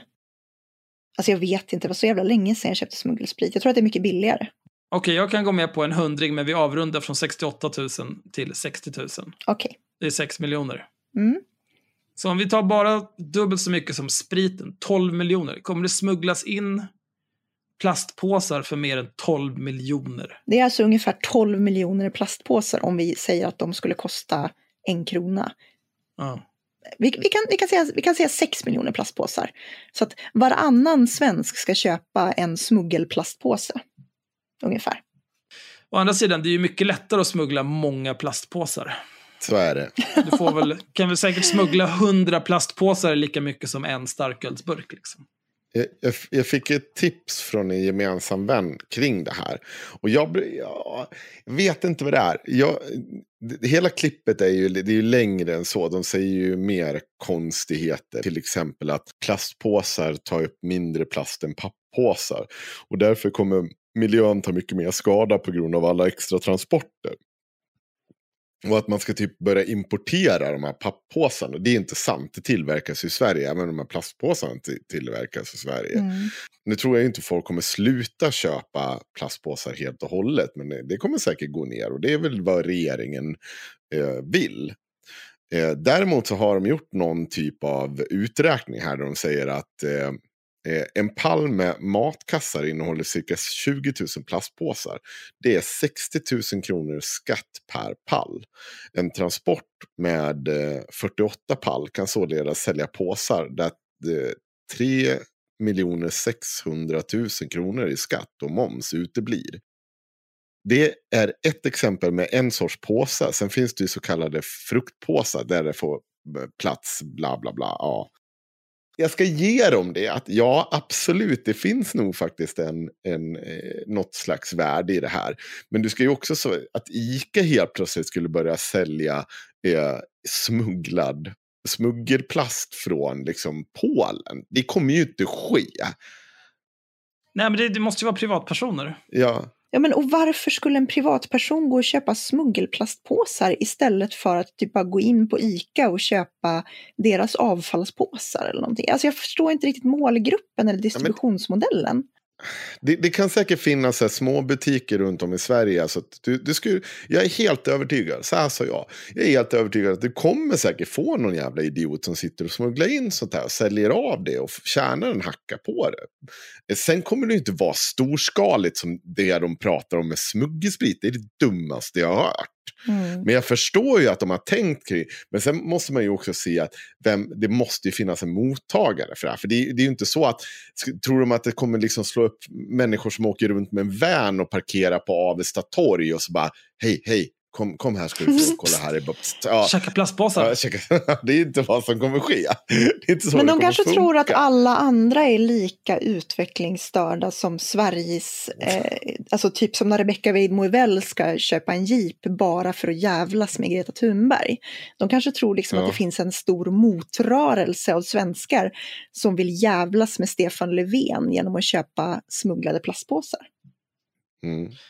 Ja, det är inte omöjligt att det finns heller. Alltså, men det är ju överlag tycker jag att hela det här plastpåseskiten, det är som senast vi pratade om det här med plastpåsetramset. Alltså hur, mm. hur är det här en grej? Var, varför är Sverigesarna och Moderaterna helt störda och, och så här, lägger ut en massa videor i sociala medier? Åh, plastpåseskatten! Vem bryr sig? Jag förstår inte heller. Och även om det är så här, ja, det är bara sossarna vill bara få in skattepengar. Vem bryr sig? Det är plastpåsar, det är enkronor. Vem bryr sig? Skaffa ett jobb. Det känns lite som att plastpåsarna är de nya genusdagisen. Det är så jävla dumt. Det är ju, och det, och det, ja, men det var ju det som jag framförallt, dels tycker jag att så här, ah, du har köpt hon Alexandra, så här, ah, du har köpt någon slags återvinningsbara. Ja, det, det är väl det att man ska köpa saker eh, på som är lättare att återvinna. Det är ju det som är poängen. Om man inte tror på att så här, ah, det är för att bara tjäna skattepengar. Men om du är politiker, ta dig samman. Agera värdigt förtjäna att vara folkets företrädare. Stå inte som ett jävla kloss i sociala medier och hålla upp en massa jävla plastpåsar och mal på om det som att det spelar någon roll överhuvudtaget. Du är helt störd! Sänk skatten för oss stackars småföretagare istället. Fan, agera i, i någon riktning som spelar roll, som har agens på verkligheten. Plastpåsar, det är helt sinnessjukt! Hur kan vi prata om det här? Oh. Men det är för att högern har liksom, högern håller ju bara på med sådana töntfrågor numera. Ja, nej, det är bedrövligt. Det, jag tycker det är bättre om de kan återgå till att börja heila istället. Det är, mm. fan, det är ändå så här, ja men det här kan jag engagera mig emot i alla fall. Det här, det här får mig att känna någonting annat än att, fan, kan inte marken bara öppna sig framför mig så jag kan ramla framåt bort från den här existensen? Mm, plastpåsar alltså. Ja, på tal om politik som händer som blir lite märklig.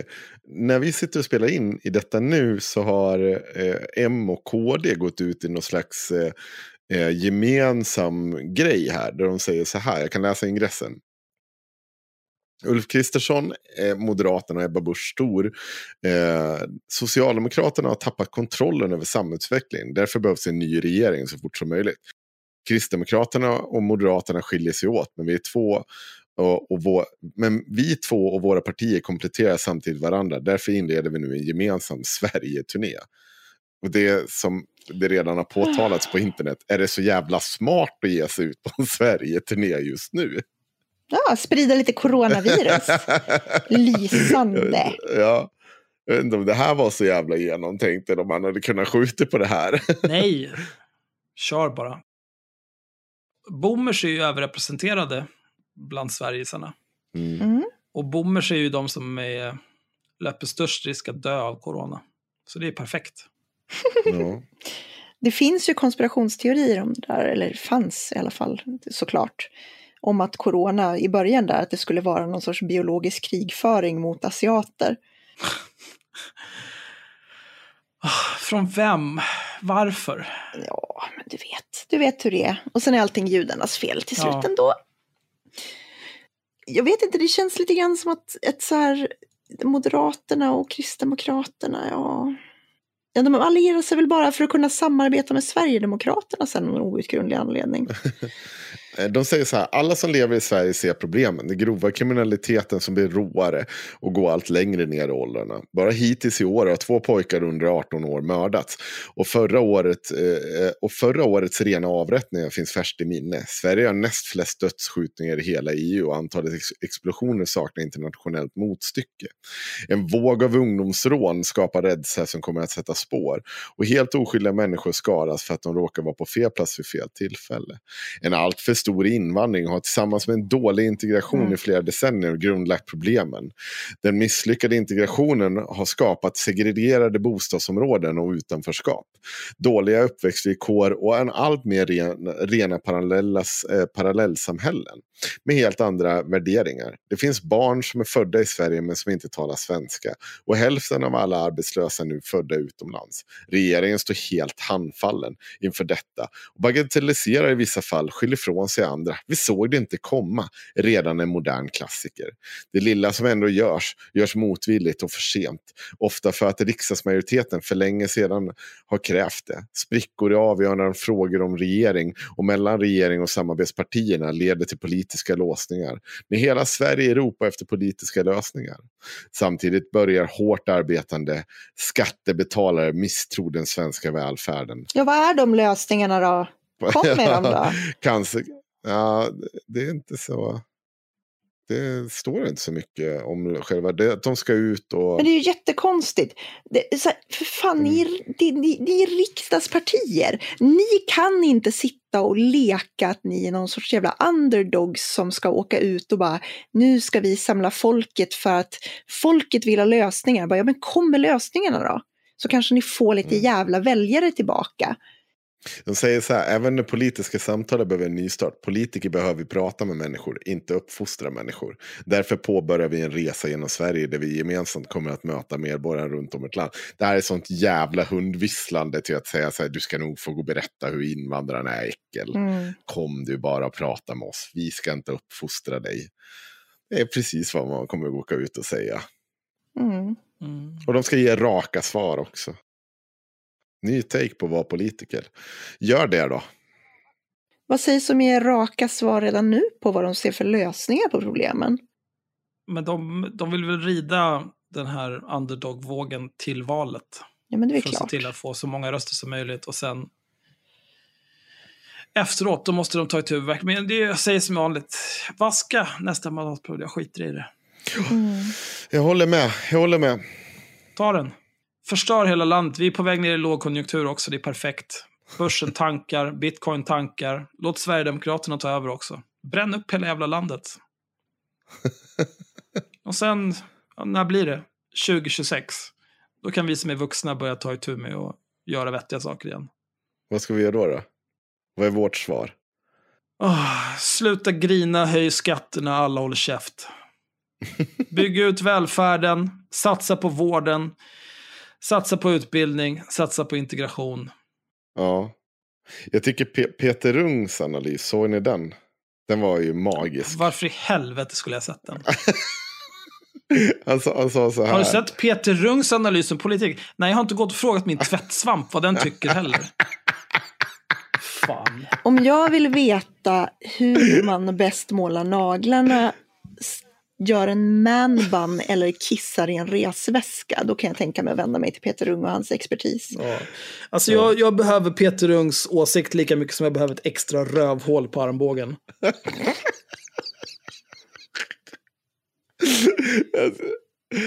Jag vet inte om du ska prata om extra rövhål med Henrik, han kommer bli, få PTSD. Ja, han blir triggered. när, nu, när ni, ja, men chef, ja. När, när, ni nu, när, nu, när, när ni nu eh, går in och blir patrons, alla ni som inte blir patrons, eller inte har blivit patrons sen, för att ni vill lyssna på våran nya grymma eh, granskning av eh, Expressen Debatt-grejen där. Eh, då vill jag bara också påminna om att det jag säger om Mellofestivalen, ni kan helt bortse från det, skit i det. Jag, var, jag, Hade du fel? jag har tagit heroin. Eh, vi pratar aldrig mer om det igen. Ja. Eh, Peter Ung skriver så här. Eh, han, det här är också så här under mellokvällen. Det här är så jävla sjukt. ni, ni vet vilka som vann va? Kanske. Jag har ingen aning. Tre Big Black Girls var det. Mm. Det är så jävla Vem- konstigt. Och då så, tre stora kvinnor, svarta kvinnor. Mamas heter de. Ja, det är klart de heter det. Såklart. Ja. Då, då, det, här, det här var, det var Peter fucking Rung då, går ut med. Han, han hade då tagit en skärmdump på när P, eh, Jimmy Åkesson sitter i planet med sin polare med sitt dumma jävla flyg, flin på väg ner till eh, Greklands gräns där de ska stå och gasta om att Sverige är fullt. Men då, då har Peter Ung skrivit så här. Hej Jimmy. Mello hälsar att du har helt rätt. Sverige är fullt. Fullt av fantastisk mångfald som berikar och gör oss stolta. Åh, Hashtag Gud. Mello. Och så ett hjärta. Alltså jag... Det... Åh, sånt jävla slöseri med syre. Alltså. ja men det är också så här. Ja, jag kan väl inte börja med det som gränskontroll. Finns chansen att du kan vinna Mellofest, liksom Melodifestivalen 2028? Nej, du tror inte det. Du kan alltså inte sjunga. Nej, men då är du inte välkommen in. Då kan du gå. Men det blir Ja. perfekt. Vi, vi, sätter, vi sätter Alexander Bard och hon den där galningen Kirsti eh, nere vid gränsen. Och så får de sitta och ha så här idoljury där. Och förolämpa Det vore ju perfekt i och för sig. och så här snacka skit om de här stackars flyktingarna. Så bara, äh, du kan inte sjunga nu, det är bara att vända. Ja, det, det, det, det är så otroligt... Det är otroligt märkligt. Och just så här, bara, vem fan har sagt det? Jag vet inte var de här människorna från eh, Mamas kommer. Två av dem tycker jag pratar perfekt svenska. Jag misstänker starkt att de är födda här. Det, för det var min, det var min Ja. spontana invändning. Var, är det här mångkultur? Alltså så här, det blir ju väldigt, väldigt... Jag, jag vill nästan säga rasistiskt.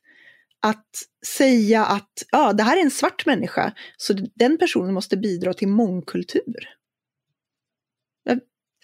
Axel är ju, Nu tycker jag att ni båda två får backa. Axel är ju svart och Axel är ju för fan den vitaste människa jag känner. Jag är faktiskt brun. Ja, okej. Af- Som afrosvensk så skulle jag fortfarande vilja påstå att Axel bidrar, Kalla mig aldrig afrosvensk igen. Axel bidrar väl för fan inte till någon mångkultur. Han är ju den svennigaste människan jag känner. Herregud, Attila Joldas gillar varenda jävla kommentar här. Fy fan, era analyslösa jävla influencerhoror. Fan vad arg. Ja men det är så jävla, det är så skräpiga jävla analyser. Det är så otroligt. Det vill säga, vi kan väl för fan inte haka upp det svenska asylsystemet på om du är nyttig din lilla vän. Vi har väl ett asylsystem för att det ska skydda människor som flyr från krig. Vi har ett anhörigsystem för att vi tar ansvar för de människorna, att, vi inte ska liksom, att man ska kunna träffa människor utomlands. Vi har ett arbetskraftsinvandringssystem för de orsakerna och de orsakerna. Inte för att dina fattiga jävla analyser om att du har sett tre svartingar på tv och tänker woho! Mångkultur! Mångkultur!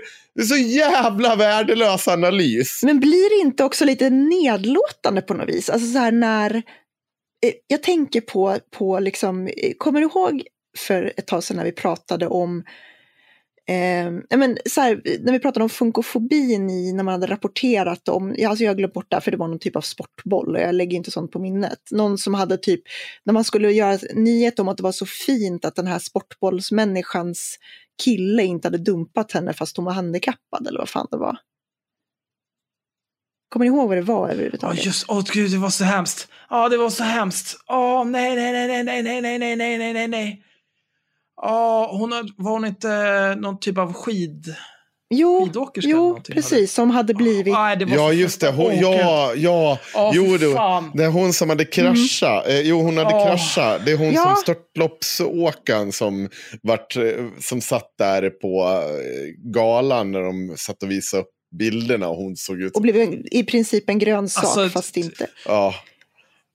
Alltså, och jag, jag tycker att det här är lite samma sak. När det blir så här, titta vad fint att du som är, du som har fel hudfärg, att du kan vinna Melodifestivalen. Gud vilket fint land Sverige är. Så känns det. ja. Jag blir lite så här illa till bods av hela grejen. Överlag så vet jag inte. Melodifestivalen känns inte som en bra indikator på någonting. Men det finns ju den här gruppen Inte i mitt namn, SD representerar inte mig, som har, den har ju blivit superstor de senaste Mm. dagarna. Där är det olika typer, eftersom de håller på och grinar om att så här, den här flyktingkrisen 2015 får aldrig upprepas. Då är det en massa människor där som, har, som kom hit däromkring och som Mm. har berättat om hur de kom hit, eh, vad de har gjort sedan dess och vad de gör idag. Det är väldigt många som är så här, ja, jag kom hit, det var krig, det var hehe. Så pluggade jag på SFI, eh, lärde mig svenska, nu har jag ett jobb. Jag jobbar som busschaufför, jag pluggar juridik, Mm. eh, hej och. Mm. Och liksom massa solskenshistorier. Mm. Det tror jag är... Ja, det hade varit bättre att peka på dem än så här folk som eh, vinner Melodifestivalen. Alltså, ja... Är det inte Carola så bryr jag mig inte ens. Ja, Men jag, vet, jag vet inte, jag tycker liksom att det finns någonting så, här, så oerhört i sig typ rasistiskt i att, att man tycker att liksom den här, har, vet Peter Rung, de här människorna kanske inte alls är förespråkare för mångkultur, fan vet han om det? Det är så här, ja men du, det, här är någon som är svart så att nu ska jag använda dem som någon sorts slagträ mot Jimmy Åkesson. Var de svarta så är de det. Det bestämde vi på förra årsmötet. Att vi är Ja, för just det. mångkultur. okej. Mm, det svarta rådet har sammanträtt. Mm. Skönt. Nej men alltså jag, jag vet inte, jag tycker att det blir så, det blir så konstigt när man, när man ska tillskriva, det är väl lite sådana här som vi har haft diskussionen om, om hela så här, hela husneger-diskussionen där det är så här, det blir rasistiskt när du börjar säga jaha, du är, eh, har den här färgen på huden, alltså så tycker du så här, annars är det fel. Och samma sak här där, där man bara, ah, det här är en svart, en svart person, så nu ska jag använda dem som slagträ mot Jimmie Åkesson. Mm. Som att de inte är egna människor med egen agens och som kan prata. i- Men Axel, på Svarta rådet har ni tagit ställning kring Rashid Musa? Ah, nej, det var klar. Oj, förlåt. Nej, men det, var- det är ju som när eh, Barack Obama vann valet 2008. Då var det ju eh, högerspökena då för att liksom trösta sig. Då bara, nej men nu finns det ingen rasism kvar i USA längre. Ja. För att nu nu, någon som är lite lätt solbränd har blivit president. Mm. Eh, uppvuxen Ja. i USA med sin amerikanska morsa och sina amerikanska morföräldrar. Eh, pluggat juridik på Harvard. Eh, nej, men det, vem, som helst, vem som helst kan klara det i det här landet. Vem som Mm, helst, absolut. Precis. Absolut. finns ingen rasism. Det är trams. Eh, Peter Ung är ett skåp. Men han och Nina ska ju... Eh, När man inte förstår vad privilegier är och hur de fungerar. nej, och eh, också att det finns kanske lite fler aspekter av det mesta. Mm. Men de ska ju starta en podd. Vilka då? Jo, men, nej, men jag har redan lyssnat. Jag Ja, kan det berätta. eh, Det är klart jag har. Jag håller väl koll. Är det som Maria Engelvinge och Wakanda, Wakanda-snubbens podd? Eh, Nej, det är det inte. Är det bättre? Det, ja, på, ja, det måste jag väl ge det, det, det är mycket Det bättre. är en låg ribba. Ja, det är en låg ribba att kliva över, men de, de kvalar in. Det är väldigt så här. Eh, Ja, det är ett avsnitt. Jag tänker såklart fortsätta lyssna på det här. Så att, för det är ju en, säkert förmodligen en, en sällan sinande En guldgruva. guldgruva av content till vår podd. Det kan nog finnas fler citat där än vad det säljs eh, smuggelsprit per år. Ja, eh, det, det första avsnittet handlar om 8 mars. Det finns jättemycket så här kloka idéer.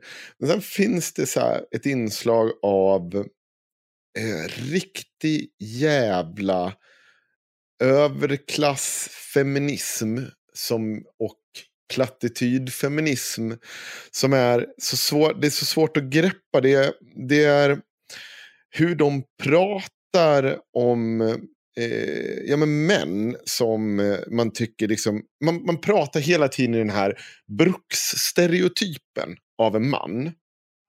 Eh, man ser på eh, man ser på manlighet som någonting eh, oavhängigt, eller oavkortat, eller vad säger vad fan, eh, det är bara negativt. Det, alla de manliga normerna är bara fel. Man, man diskuterar inte i form av att, vänta nu, det är förmodligen, sanningen ligger någonstans mittemellan. Att det finns en hel del kvinnliga normer som är så jävla fucked up. Men man, man går Mm. inte in på det för man har ju hela tiden ursäkten av att jo, men det är männen som våldtar, det är männen som gör det här. Vilket är såklart, det är sant. Det är absolut sant. Men jag tror att också en styrka i att det, eh, alltså jag tror att ska vi få bukt med de här typerna av stereotyper. Jag tror att till exempel att det kvinnliga könet måste uppvärderas mer i styrka. Alltså några av de Mm. grejerna som de själva pratar om.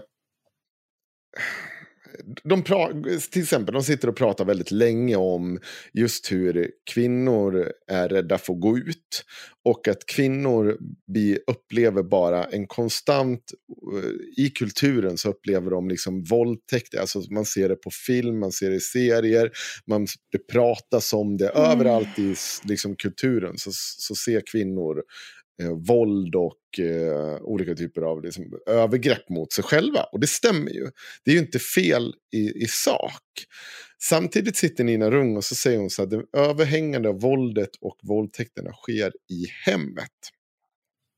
Nej men som att inte män gör det. Alltså, vi trivialiserar ju våld mot män mycket mer än våld mot kvinnor. Titta på vilken jävla actionfilm som helst så har du ju liksom män som bara dör till höger och vänster hela tiden. Och misshandlas och bla bla bla. Och, Ja. ja. Ja, eh, absolut, men det, det, det hon säger, det, det som blir så konstigt är att jag upplever ju samtidigt att det är de här människorna som konstant säger till kvinnor att de inte liksom, de vågar inte, alltså man kommer med budskapet. Kvinnor måste gå med nycklar mellan händerna. Kvinnor måste hela tiden vara på sin vakt. Han börjar prata om att eh, Nina inte vågar gå ut på och springa på kvällarna. Eh, hon vågar inte göra olika typer av saker, eller på morgnarna. Men då kanske Nina ska gå i terapi. Ja, men är inte ni en del i det här? Och det blir också sån jävla clash när hon säger, det blir en clash mellan det hon säger om att ja, men det här övervåld, överfallsvåldtäkt och sånt, det är så liten del Mm. av det hela. Och då blir man ju fundersam, Mm. är det verkligen det vi ska vara rädda för? Gå ut och springa på kvällarna? Eller ska vi ta tillbaka det Fast- offentliga rummet? Vad sa du? För samtidigt så liksom rädsla är ju sällan rationellt. Nej men, hon, nej men precis, men då kanske man inte ska bidra till den. För det är det man gör om man då sitter och säger att ja, allt det här våldet och kvinnor är rättslösa, bla bla bla. bla, bla. Jag skriver Ja. ju typ hela min text i som eh, jag skrev ju en text till i Expressen på internationella kvinnodagen om precis det där. Att så här, eh, att feminister går, alltså man, man kör på samma grej som ehm, alltså som Sverige så här, som sitter och säger ja nu vågar inte kvinnor gå ut på kvällarna för alla gruppvåldtagande afghaner och så vidare. Mm. Att, att liksom feministen, de här Instagram-feministerna, mainstream-feministerna, vad du nu vill kalla dem som Nina Rung tillhör, är ju exakt likadana, de kör ju på exakt samma sak. Alltså den här typen av alarmism som inte riktigt stämmer med verkligheten. Alltså den, det, liksom, man bygger en hel rörelse på att prata om att alla ska vara rädda jämt. Och prata om att det är så synd om kvinnorna, man vågar inte gå ut. De låter ju exakt likadant. Jag, jag, Mm. jag, jag tänker att då förstärker man ju bara, det enda man gör då är ju att stärka rörelser som i sin natur vill eh, ta ifrån kvinnor en massa rättigheter. Typ rassar, Ja, men- fascister och så vidare. Men säger jaha, men vad bra, men då gör vi så att då får inte kvinnor gå ut utan manligt sällskap nu för att de är så otrygga. Titta vad snällt och bra och fint allting blev. Typ.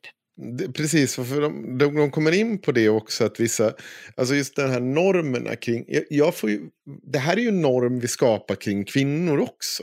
Att vi skapar den här rädda varelsen som inte Japp. liksom, som sårbara varelsen som liksom inte kan gå ut.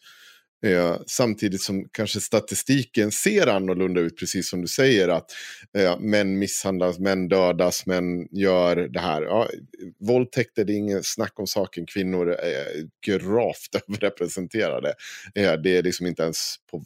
Ja, det är inte, de spelar Mm. inte ens i samma ballpark. Men när vi väl ska sätta oss och kolla på rationellt, vad som, då kanske det är andra saker som ska till. Det kanske en del av den maskulinitet som de vänder sig så hårt emot, den kanske är helt rimlig. Den kanske också ska överföras på kvinnor. Alltså att om du vill Mm. hålla på med den där typen av so social engineering. Jag tror att vi är utsatt, utsatta för social engineering hela tiden. Folk som påstår någonting annat, de är dumma i hela jävla huvudet. För vi påverkas av det vi ser i media, vi påverkas. jag har sett sjukaste är hur barn påverkas även när de har medvetna föräldrar som försöker göra aktiva val för att de inte ska påverkas. Det är fucking hur svårt som helst. Men vi är utsatta för det hela tiden och ska du liksom försöka få till stånd någonting i någon slags jämlikhet, då tror jag att du behöver en viss del av den här maskuliniteten som de kallar toxisk maskulinitet. Jag tror att den är, jag tror att den är rent av bra. Den skulle behöva överföras även på kvinnor. Lyfta kvinnor med den, ta, ta av en del av det från männen. Där, där, där tror jag vi hinner hitta någon slags jämlikhet. Och genom att ta bort eller lägga till det hos kvinnor så tar man bort någonting av det negativa där de hela tiden blir utsatta som offer, som hjälplösa inför saker. Det här kommer säkert någon vända sig emot, men det är som sagt, jag bara lyssnar på ett avsnitt, jag provpratar och jag tar, lägger den brasklappen. Jag är villig att ändra på mig om någon kommer. Jag vet Nej, men jag håller med dig. Jag har, idiot.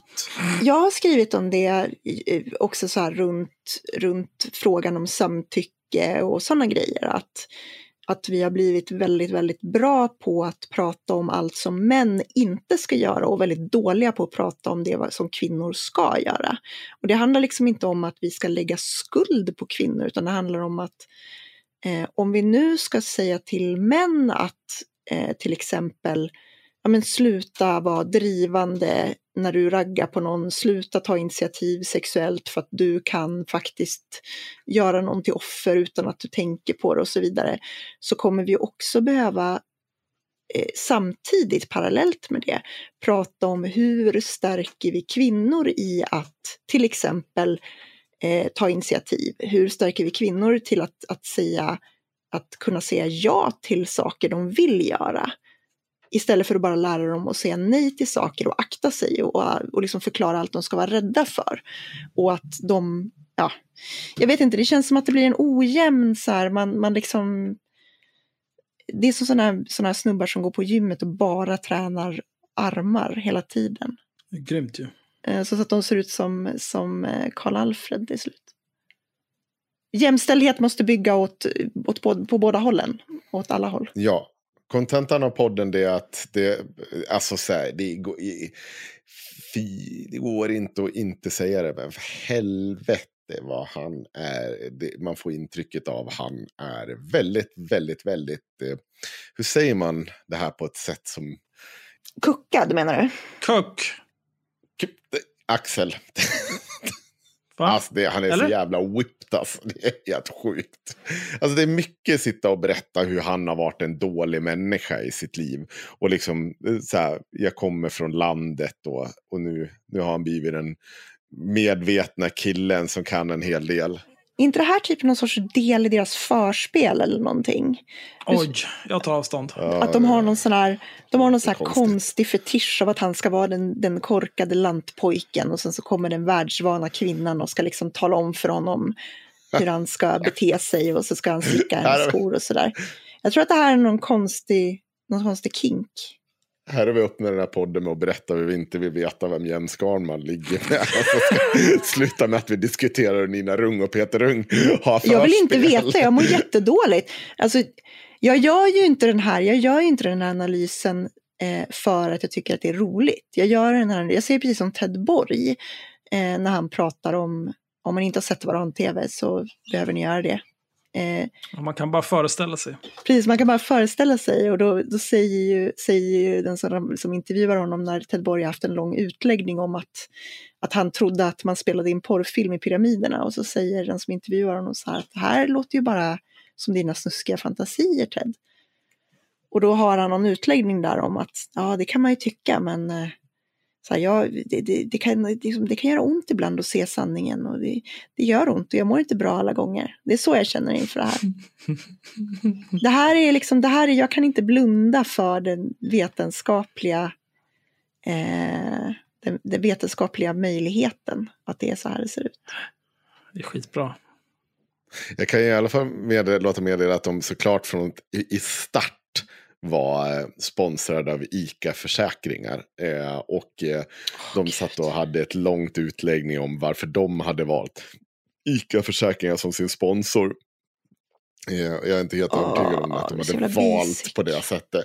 Men då, då, då är det för att ICA har någon slags typ av tillägg i sin hemförsäkring eller borttag av något villkor när en kvinna försöker lämna en man och deras eh, som ja, det är så, så här, Undrar hur länge de har haft det. Ja, de, det är inte så jävla... Jag vet att Nina Rung och de var inblandade i det där att de fick till det här i försäkringarna. Eh, men det är också så här, vad säger det om resten av försäkringspaketet då, Nina Rung? Mm. Vad är det, liksom, det här är ju inte superofta du använder den av den här typen av eh, försäkring. Vad händer med resten? Av, hur ser det, alla andra jävla villkor ut?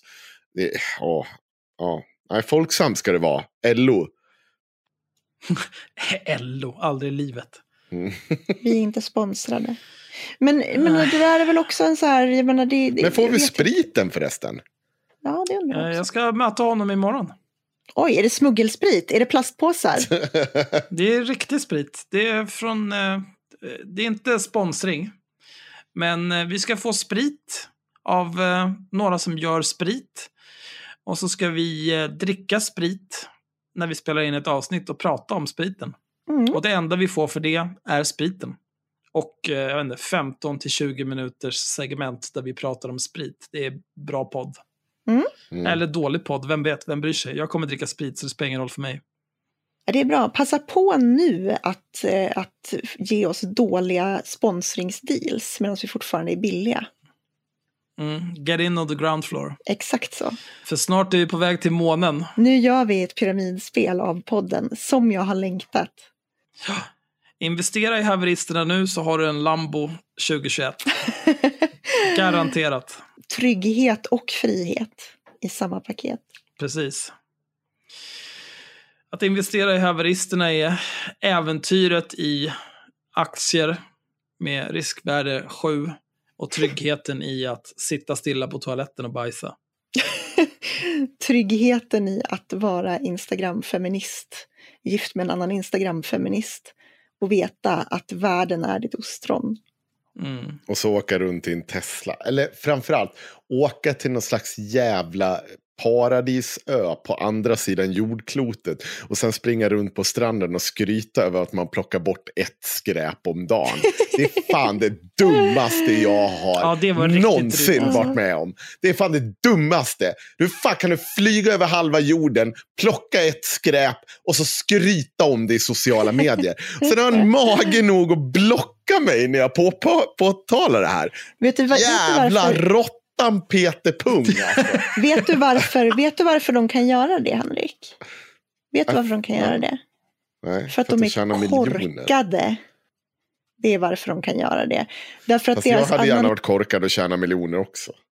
Ja, men nu, är det, nu har vi inte så. Nu får du spela korten du har fått. Nu får du vara fattig. Nej, men det, är det är det vi har gjort fel. Alltså vi har ju, problemet med hela det här formatet på den här podden, det är ju att vi har ju inte, hade inte som mål från första början att appellera till minsta gemensamma nämnare för att maximera vinstuttaget per investerad minut. Nej.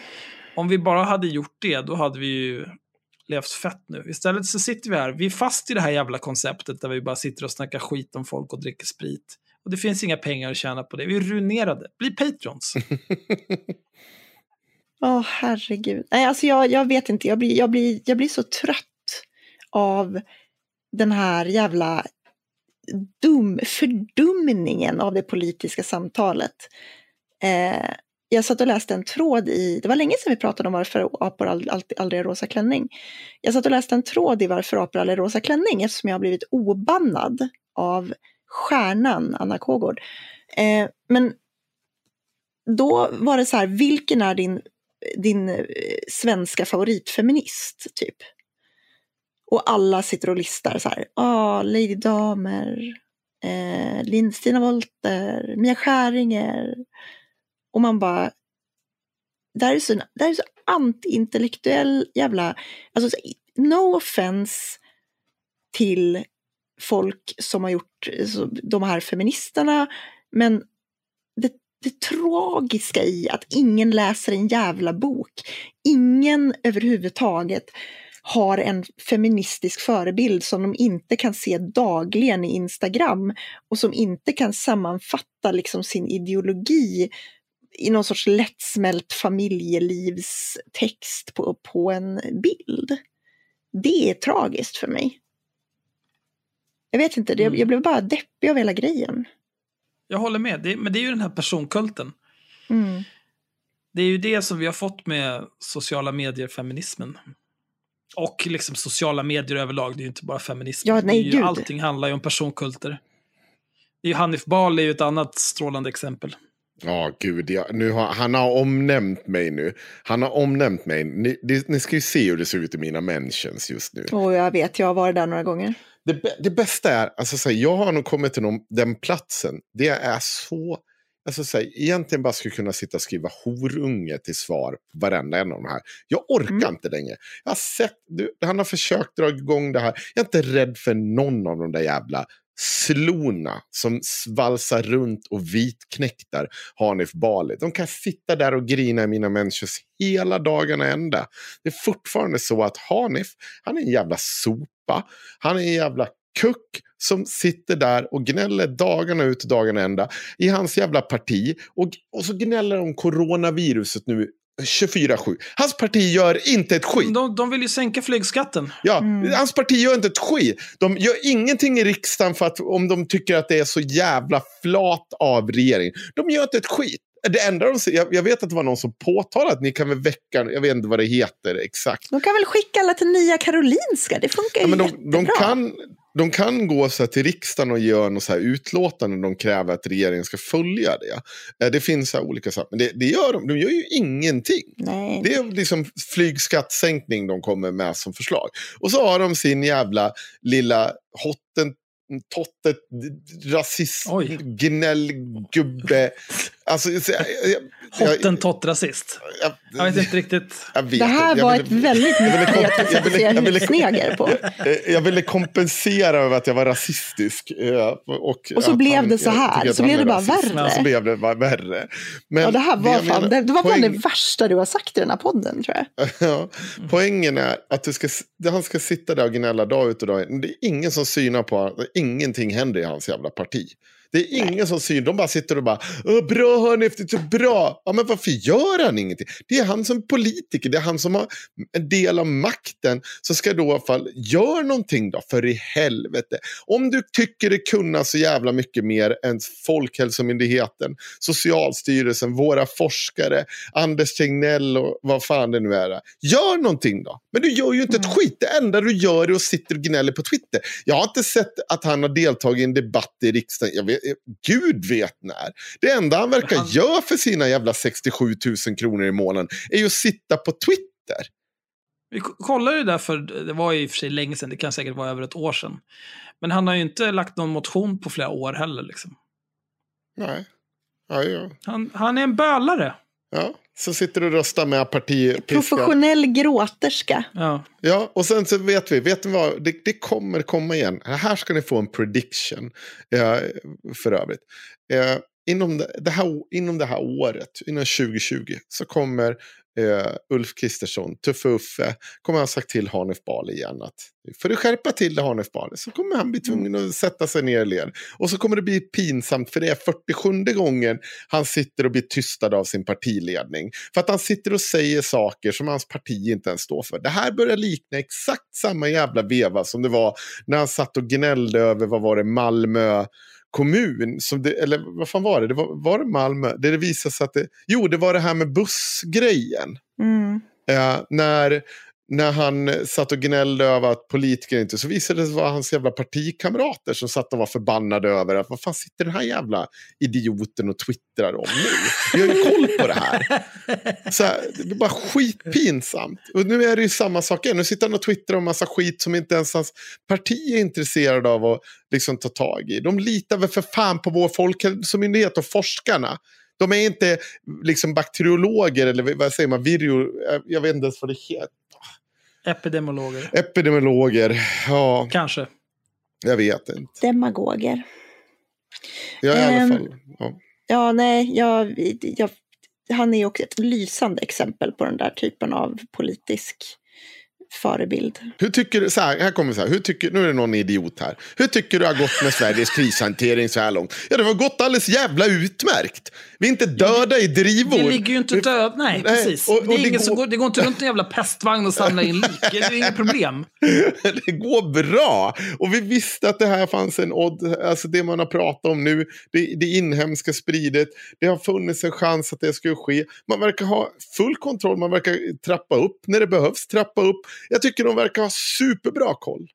De har inte börjat med att skrika Panik! Nu kommer bög! Cancer-aidsen! Nu spring! Köp allt i affärerna! Nu kör! Gud! Gör någonting!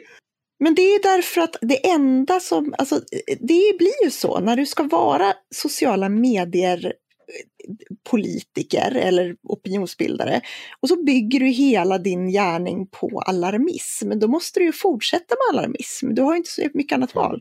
Har du suttit och varit Nina Rung och pratat om eh, allt våld mot kvinnor så kan du ju inte plötsligt så här bryr dig om att oj, ja, men det- överfallsvåldtäkter var visst inte så, för, men då, då kan inte jag prata om att jag eh, inte vågar gå ut och springa fast jag bor på fucking Söder på Hornsgatan eller vad fan hon nu bor. Hon bor ju i Hornstull har jag för mig. Det är liksom så här, Nej, gör de det? ja. Jag får mig att jag kollade det här någon gång av någon anledning för att jag skulle säga att de var extremt, extremt välbärgade feminister. Jag tror att jag kollade det då. Ganska säker på att de bor i närheten av Hornstull. Det vill säga typ på, på en av de mest... Och nej, inte, nu säger vi inte det här högt. Det här får, någon får ju blipa det här, för annars kommer vi få höra i åtta år Nej, men att vi har hängt ut deras Nej, hemadress de- eller något. Ja, ratsittade de ju i sådana fall. Då är det väl, det är ju offentlig, offentliga uppgifter. Jo, men du vet. Nacka. Men de, alltså, att, de bor, att de bor vid Hornstull är väl inte särskilt specifikt? Det måste jag ju kunna säga. Eller? Nacka är det. Okej. Är det Nacka? Ja, men det är klart att de bor i Nacka. Fucking Nacka-mammor. Vad är det här för någonting? jag sökte på Nina Rung, så här, Nina Rune, Nina Rung, eller Nina Ung, Nina Ring. Okej, men, det, men vi det här kan är bara som de driver med. Jag kan ta bort min take och så gör vi så här istället. Jag säger så här istället. Att det, det är ju Ja. helt efterblivet att Nina Rung ska sitta och, och prata om hur rädd hon är att gå ut och springa. När hon bor i en del av Stockholm som är liksom extremt jävla välbärgad jämfört med, alltså och extremt lugn jämfört med stora delar av resten av Sverige. Jag vet inte, fine om hon bodde i ett utanförskapsområde där, och inte ens där är ju folk rädda för att gå ut och springa därför att man känner till det jävla området man bor i. Du kanske inte behöver gå ut och springa i någon mörk gränd klockan fyra på en lördag morgon. Oj, medelinkomst på 35 000. Oj, här, här, bor, här bors det flott. Mm. Ja. Ah. Nej, men ja, jag vet inte. Bor man i ett område där ett radhus kostar 6 miljoner så det, det går nog lugnt att gå ut och springa på kvällen. Tror nog att du kan gå ut och jogga. Det är ingen fara. Det, är- alltså det är ju bara trams. Det är ju som när Sverigesarna sitter och säger att de inte vågar gå ut på kvällarna och man bara fast, fast varför inte då? Nu ska vi inte ta från, Nina får vara hur rädd hon vill. Jag kan Ja, det brasklappa med det, det Men- är fine. Men, men det är just det här, Det är skrik. mycket. Ja, fast hon kanske kan acceptera, hon kanske kan acceptera att det kanske sitter i hennes huvud mer än i en faktisk hotbild mot henne. Typ som när Joakim Lamotte står med sin jävla offerskyddsväst i SVT. Jag, försöker, jag, jag vågar knappt skratta för jag vet inte om jag, om, om jag antingen kränker någons våldtäkts... Nej, jag vet inte, jag vågar inte. vad är det här nu? Nej. Jag, jag tar avstånd för säkerhets Ja. skull. Ja, Ja, jag, jag, Karlsson, jag unnar dig det. Jag kan- Jag kan jag tar säga så här. Jag kan säga så här, jag tycker att det är precis lika töntigt att, att, sitta, att Nina Rung sitter och gnäller om att hon inte vågar gå ut. Som att en massa Sverigesar sitter och säger att man vågar inte gå ut nu för tiden för alla invandrare. Det är precis samma sak. Jag är mördare överallt. Ja. oj, här kommer någon. Eh, apropå Sverigesar. Mm. Ta som en sista sak för idag. Eh, kan vi prata om eh, SD-mannen, vad fan hette han, Magnus Salomonsson tror jag, i Malmö, Ja. som blev nerringd, Magnus, Magnus, Magnus Olsson. Olsson, som blev Mm. nerringd av eh, eh, Malmö-greker, Av anonyma poliser. påstod han. Ja, han skrev på Twitter eh, att olika Malmö-greker ringde ner honom och tyckte att Jimmy gör ett fantastiskt jobb där nere vid gränsen. Mm. Och då var det olika rådiga personer som pratade lite grann om, men kan du inte visa samtalslistan då? Det skedde ju inte. Mm. Och då kom en annan rådig person och sa, eh, men det där går ju att begära ut. Det är inga konstigheter. Och så var det den första rådiga personen gjorde det. För den dagen som tweetet skrevs och dagen innan. Och det visade sig att han hade tre samtal, alla internt inom kommunen. Det är jätteroligt. Och sen raderade han sin tweet. Jag, egentligen, det här är ju liksom, det här är standard för Sverigedemokraterna. De är ju lögnare, idioter och bara Mm. allmänt totalt inkompetenta jävla svin. Men, hur, hur kom vi hit? Att en politiker kan ljuga om något sånt här, eh, bli påkommen, utskämd och förmodligen så kommer ingenting hända. Ja, det är samma. Hur- hur ja, men det vi kan lägga här? till. Jag kan lägga till då, utan att vi går in på ämnet. Men det är samma med Jimmie Åkesson. Ja. Blev deporterad och i hela skiten. Säger, han blev säkert deporterad, men han blev inte tillfångat. Alltså så här, det, de Det sitter där och- satt ju Hanif Bali också skickar- och, och skulle böla Ja. om. Ja, han väljer ju såklart att det, det är ju där hans strid går. För att han drar för Jimmie Åkesson och så tycker han att alla är taskmörtar. Att, Typiskt vänstern, ja där hade det varit, Mm. det här är ju typiskt vänstern att tycka att det är okej när Jimmy Åkesson blir utsatt för Turkiets bip, bip, bip, bip, bip, och sådär. Men, för jag, jag, jag la upp en tweet. Det här var så jävla kul. För det är precis det som Axels ämne handlar om. Jag la upp en tweet och så skrev jag, nu ska vi se så att jag tar upp den. Här är den. Eh, när, man, eh, när man är så pass förljuget parti att det inte ens går att hålla ordning på sina egna lögner. Då är det eh, Ove Nilsson från TT. Ja, det där var så roligt. Som skriver, nu blev han varken gripen eller deporterad. Martin Kinnunen, tidigare pressekreterare i SD och riksdagsledamot. Är källan turkarna då eller? Så Ove bara, Henrik Gustafsson till oss. Och det är så jävla skönt att han svarar så kyligt. För det är liksom... Det, Henrik det, Gustafsson är alltså eh, Sver- Sverigedemokraternas press, presschef. Mm. ja, så då har de sett och ljugit fram och tillbaka så att de inte kan hålla isär sin interna och externa kommunikation. Och så blir det så jävla pinsamt. Och så hamnar vi i precis det här du sa Axel. Att hur fan har vi kunnat komma hit där inga konsekvenser sker mot de här människorna? Det är ju helt... Det är, alltså så här, det är så jävla pinigt. Vi har hållit fast vid... Jag vet inte, vad är det? Mona Salins jävla Toblerone-skandal i, vad är det? 90 skedde. Tju- 25 år känns det som. Ja, hon har Mm. gjort mycket dumt efter det. Jag säger inte så här, men vi höll i de här grejerna länge. Men att du så bara, helt så här, nej men du vet, du vet, det bara ringer greker till mig här från Malmö. Alltså bara, du har tre interna samtal. Oj, vad pinsamt. Nu pratar vi alla om det här tråkiga igen. Det är som flagrant jävla lögn. Det är, så- det, att du bara sitter och gör sånt, det, är så, det säger så mycket om dig som person. Ja, ja men alltså det, jag, jag tror att det här är ett problem av, eh, av, alltså som kommer med sociala medier. Därför att tidigare har det haft olika typer av, av kommunikatörer och pressekreterare och sådär som har suttit och kunnat eh, redigera det här. Eh, och liksom, så här, eh, kan vi säga så här? Hmm, ja, eh, men nu, nu kan de här människorna bara gå ut och leka vilda västern i sociala medier och då blir det så här. Mm. Mm. Det är väl den enda förklaringen. Alltså jag tror ju att det fanns säkert folk som ville göra så här förut också. Det var bara det att då var det liksom en pressekreterare som stod i vägen. Någon riktigt trött jävel som bara, nej, nej, men sluta. Du, Ja. nej, nej, nej, nej, men nej. precis. Nej, nej, men gud, så där kan du inte säga. Vad håller du på med? Nej, men snälla, snälla. Jag har fått, jag, jag har fått tre hjärnblödningar bara i år liksom. Ja. Ja, nej, vilket jävla lidande. Men det är ju, jag vet inte, jag, jag tycker, eh, om vi har några lyssnare i Malmö, ni kanske, jag vet inte, hör av er till kommun eller någonting och fråga hur, vad, vad är det som händer? Jag kan, jag kan hinta om så här mycket. Jag tror, jag tror inte att den här historien är över. Och ni vet att när jag säger att jag tror att den här historien inte är över så vet jag att den här historien inte är över än. Så vi kommer, vi, Oj, vi, vi oj. kommer, det kommer komma vidare i den också. Däremot Mm. så kan jag säga så här att vi behöver inte, kommer inte behöva oroa oss över det där i framtiden. För snart har SD tagit över SVT så då kommer inte vi få höra sådana här tråkiga nyheter om hur Nej, politiker gud, vad ljuger. Utan då kommer det Så, man vet, så man vet vad man ska tro på när det bara finns en källa. Ja, Det känns ju väldigt betryggande. Det här, det här läste ju jag om i sociala medier. Men vi Ja. får väl se sen när SD tar makten och kallar till sig Twitter och Facebook och alla Mm. de där. Så, nej, vi måste och se, se vad Sverigesarna tycker då. De grinade ju ögonen ur sig när nuvarande regering gjorde samma sak för att diskutera näthat och spridande av olagligt material och så vidare och låtsades som att det hade med censur och mm åsiktsförtryck att göra. Får se vad de tycker när deras jävla fascistparti gör samma sak. Det här är ju eh, den enda ljusglimten i en framtid där fascist-SD tar över är ju alla gånger jag kommer kunna sitta och vara dryg över att de gör precis sånt som de själva har klagat på. Det, det är den enda ljusglimten i den framtidsvisionen. Ja, jag drar. Jag tänker bara säga upp mig från alla jobb.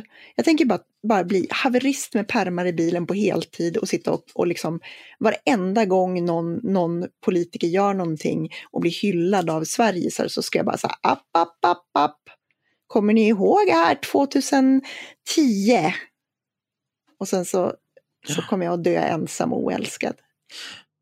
Apropå Mona Sahlin förresten, han den där Reslov. Han moderaten som gick över till SD och som har eh, spenderat hur mycket som helst av skattebetalarnas pengar på Mm. taxiresor och fester och skit. Var, var är the public outcry där? Mm. Var är alla Sverige som, som tycker att han är en korrupt jävla horunge? Som borde skickas ut åt helvete ur partiet. Som stjäl av oss från folket. Mm. Jävla hycklare. Slödder.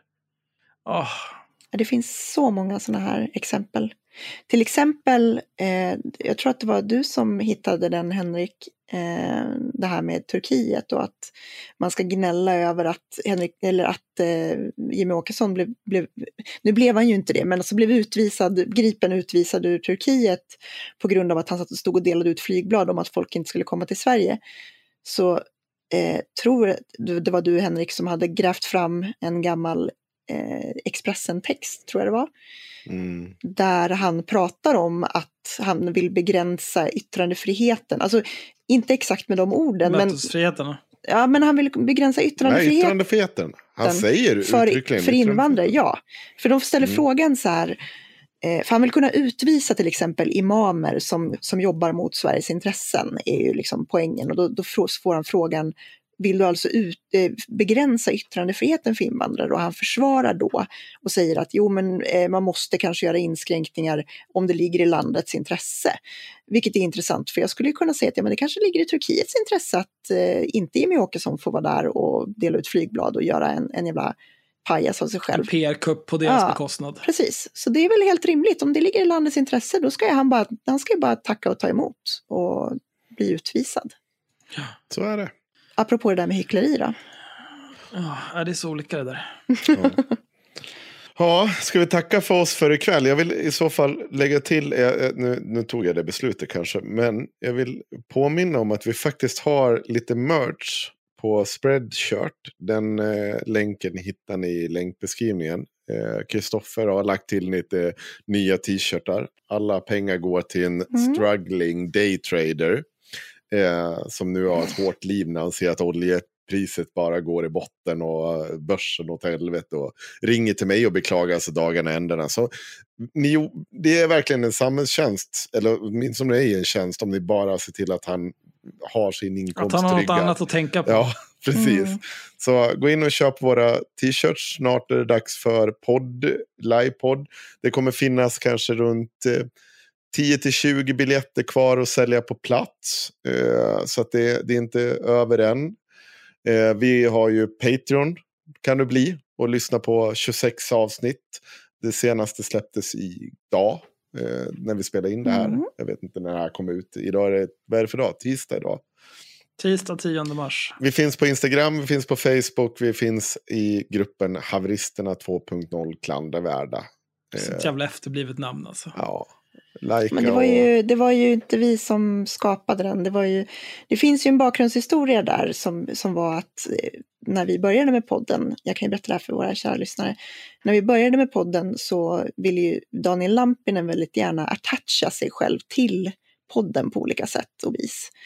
Eh, varpå han då hör av sig också och frågar om han får göra en grupp för podden och eftersom ingen brydde sig så sa vi att absolut Daniel Lampinen, du kan få, du kan få sköta vår officiella Facebookgrupp, bara jag slipper vara med i den. Eh, och sen gjorde han det och sen så kom det in folk som lyssnade på podden och sen tröttnade alla på Daniel Lampinen och gjorde myteri och skapade Haveristerna 2.0 klandervärda istället. Det är lite som det där bensinupproret fast utan Marklund eller vad fan det är. Det är lite som bensinupproret fast dummare. Ja, det, det är fan bra jävla dumt. Men nu räcker det för idag. Nu Mm. har jag fått nog. Jaha, ännu en kväll i sjön. Kul. Eh, tack för idag. Eh, det kommer väl fler avsnitt, kan man tänka sig. Mm.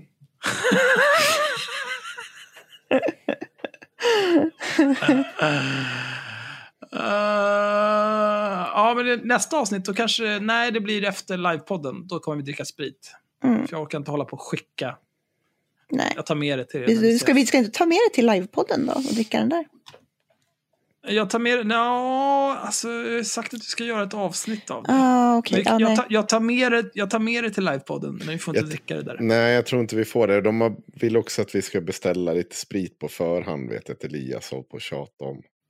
Mhm. Han vill Ja. be- veta hur många hot shot vi ska ha Oh, på scen. Alla. Alla. Ja, hot shot, hot shot, hot shot. konstig fråga. Ja. Koka kaffe, vispa grädde, hot shots, hot shots, hot shots. Nu Men jag lägger ju vi sett- på. Nu lägger vi på. Jag, har ju- jag har ju sett att hot shots håller på att bli inne nu igen, så vi måste sluta dricka hot shots och hitta någonting annat. Ja. Tyvärr. Nej, nej jag, jag, det är jag som sätter trenderna. Jag drack Fireball innan det var hippt. Jag drack hot shots innan Ja, det blev men hitta igen. någonting nytt som blir hippt När jag, när jag väljer något nytt, då är det dags att byta. Innan dess, då är det hot shots som gäller. Okej. Okej, bra. Nu räcker det för idag. Tack för idag, kära lyssnare. Bli Patreon, alternativt höj din pledge. Puss och kram. Hej då, hej då. Hej då! Så.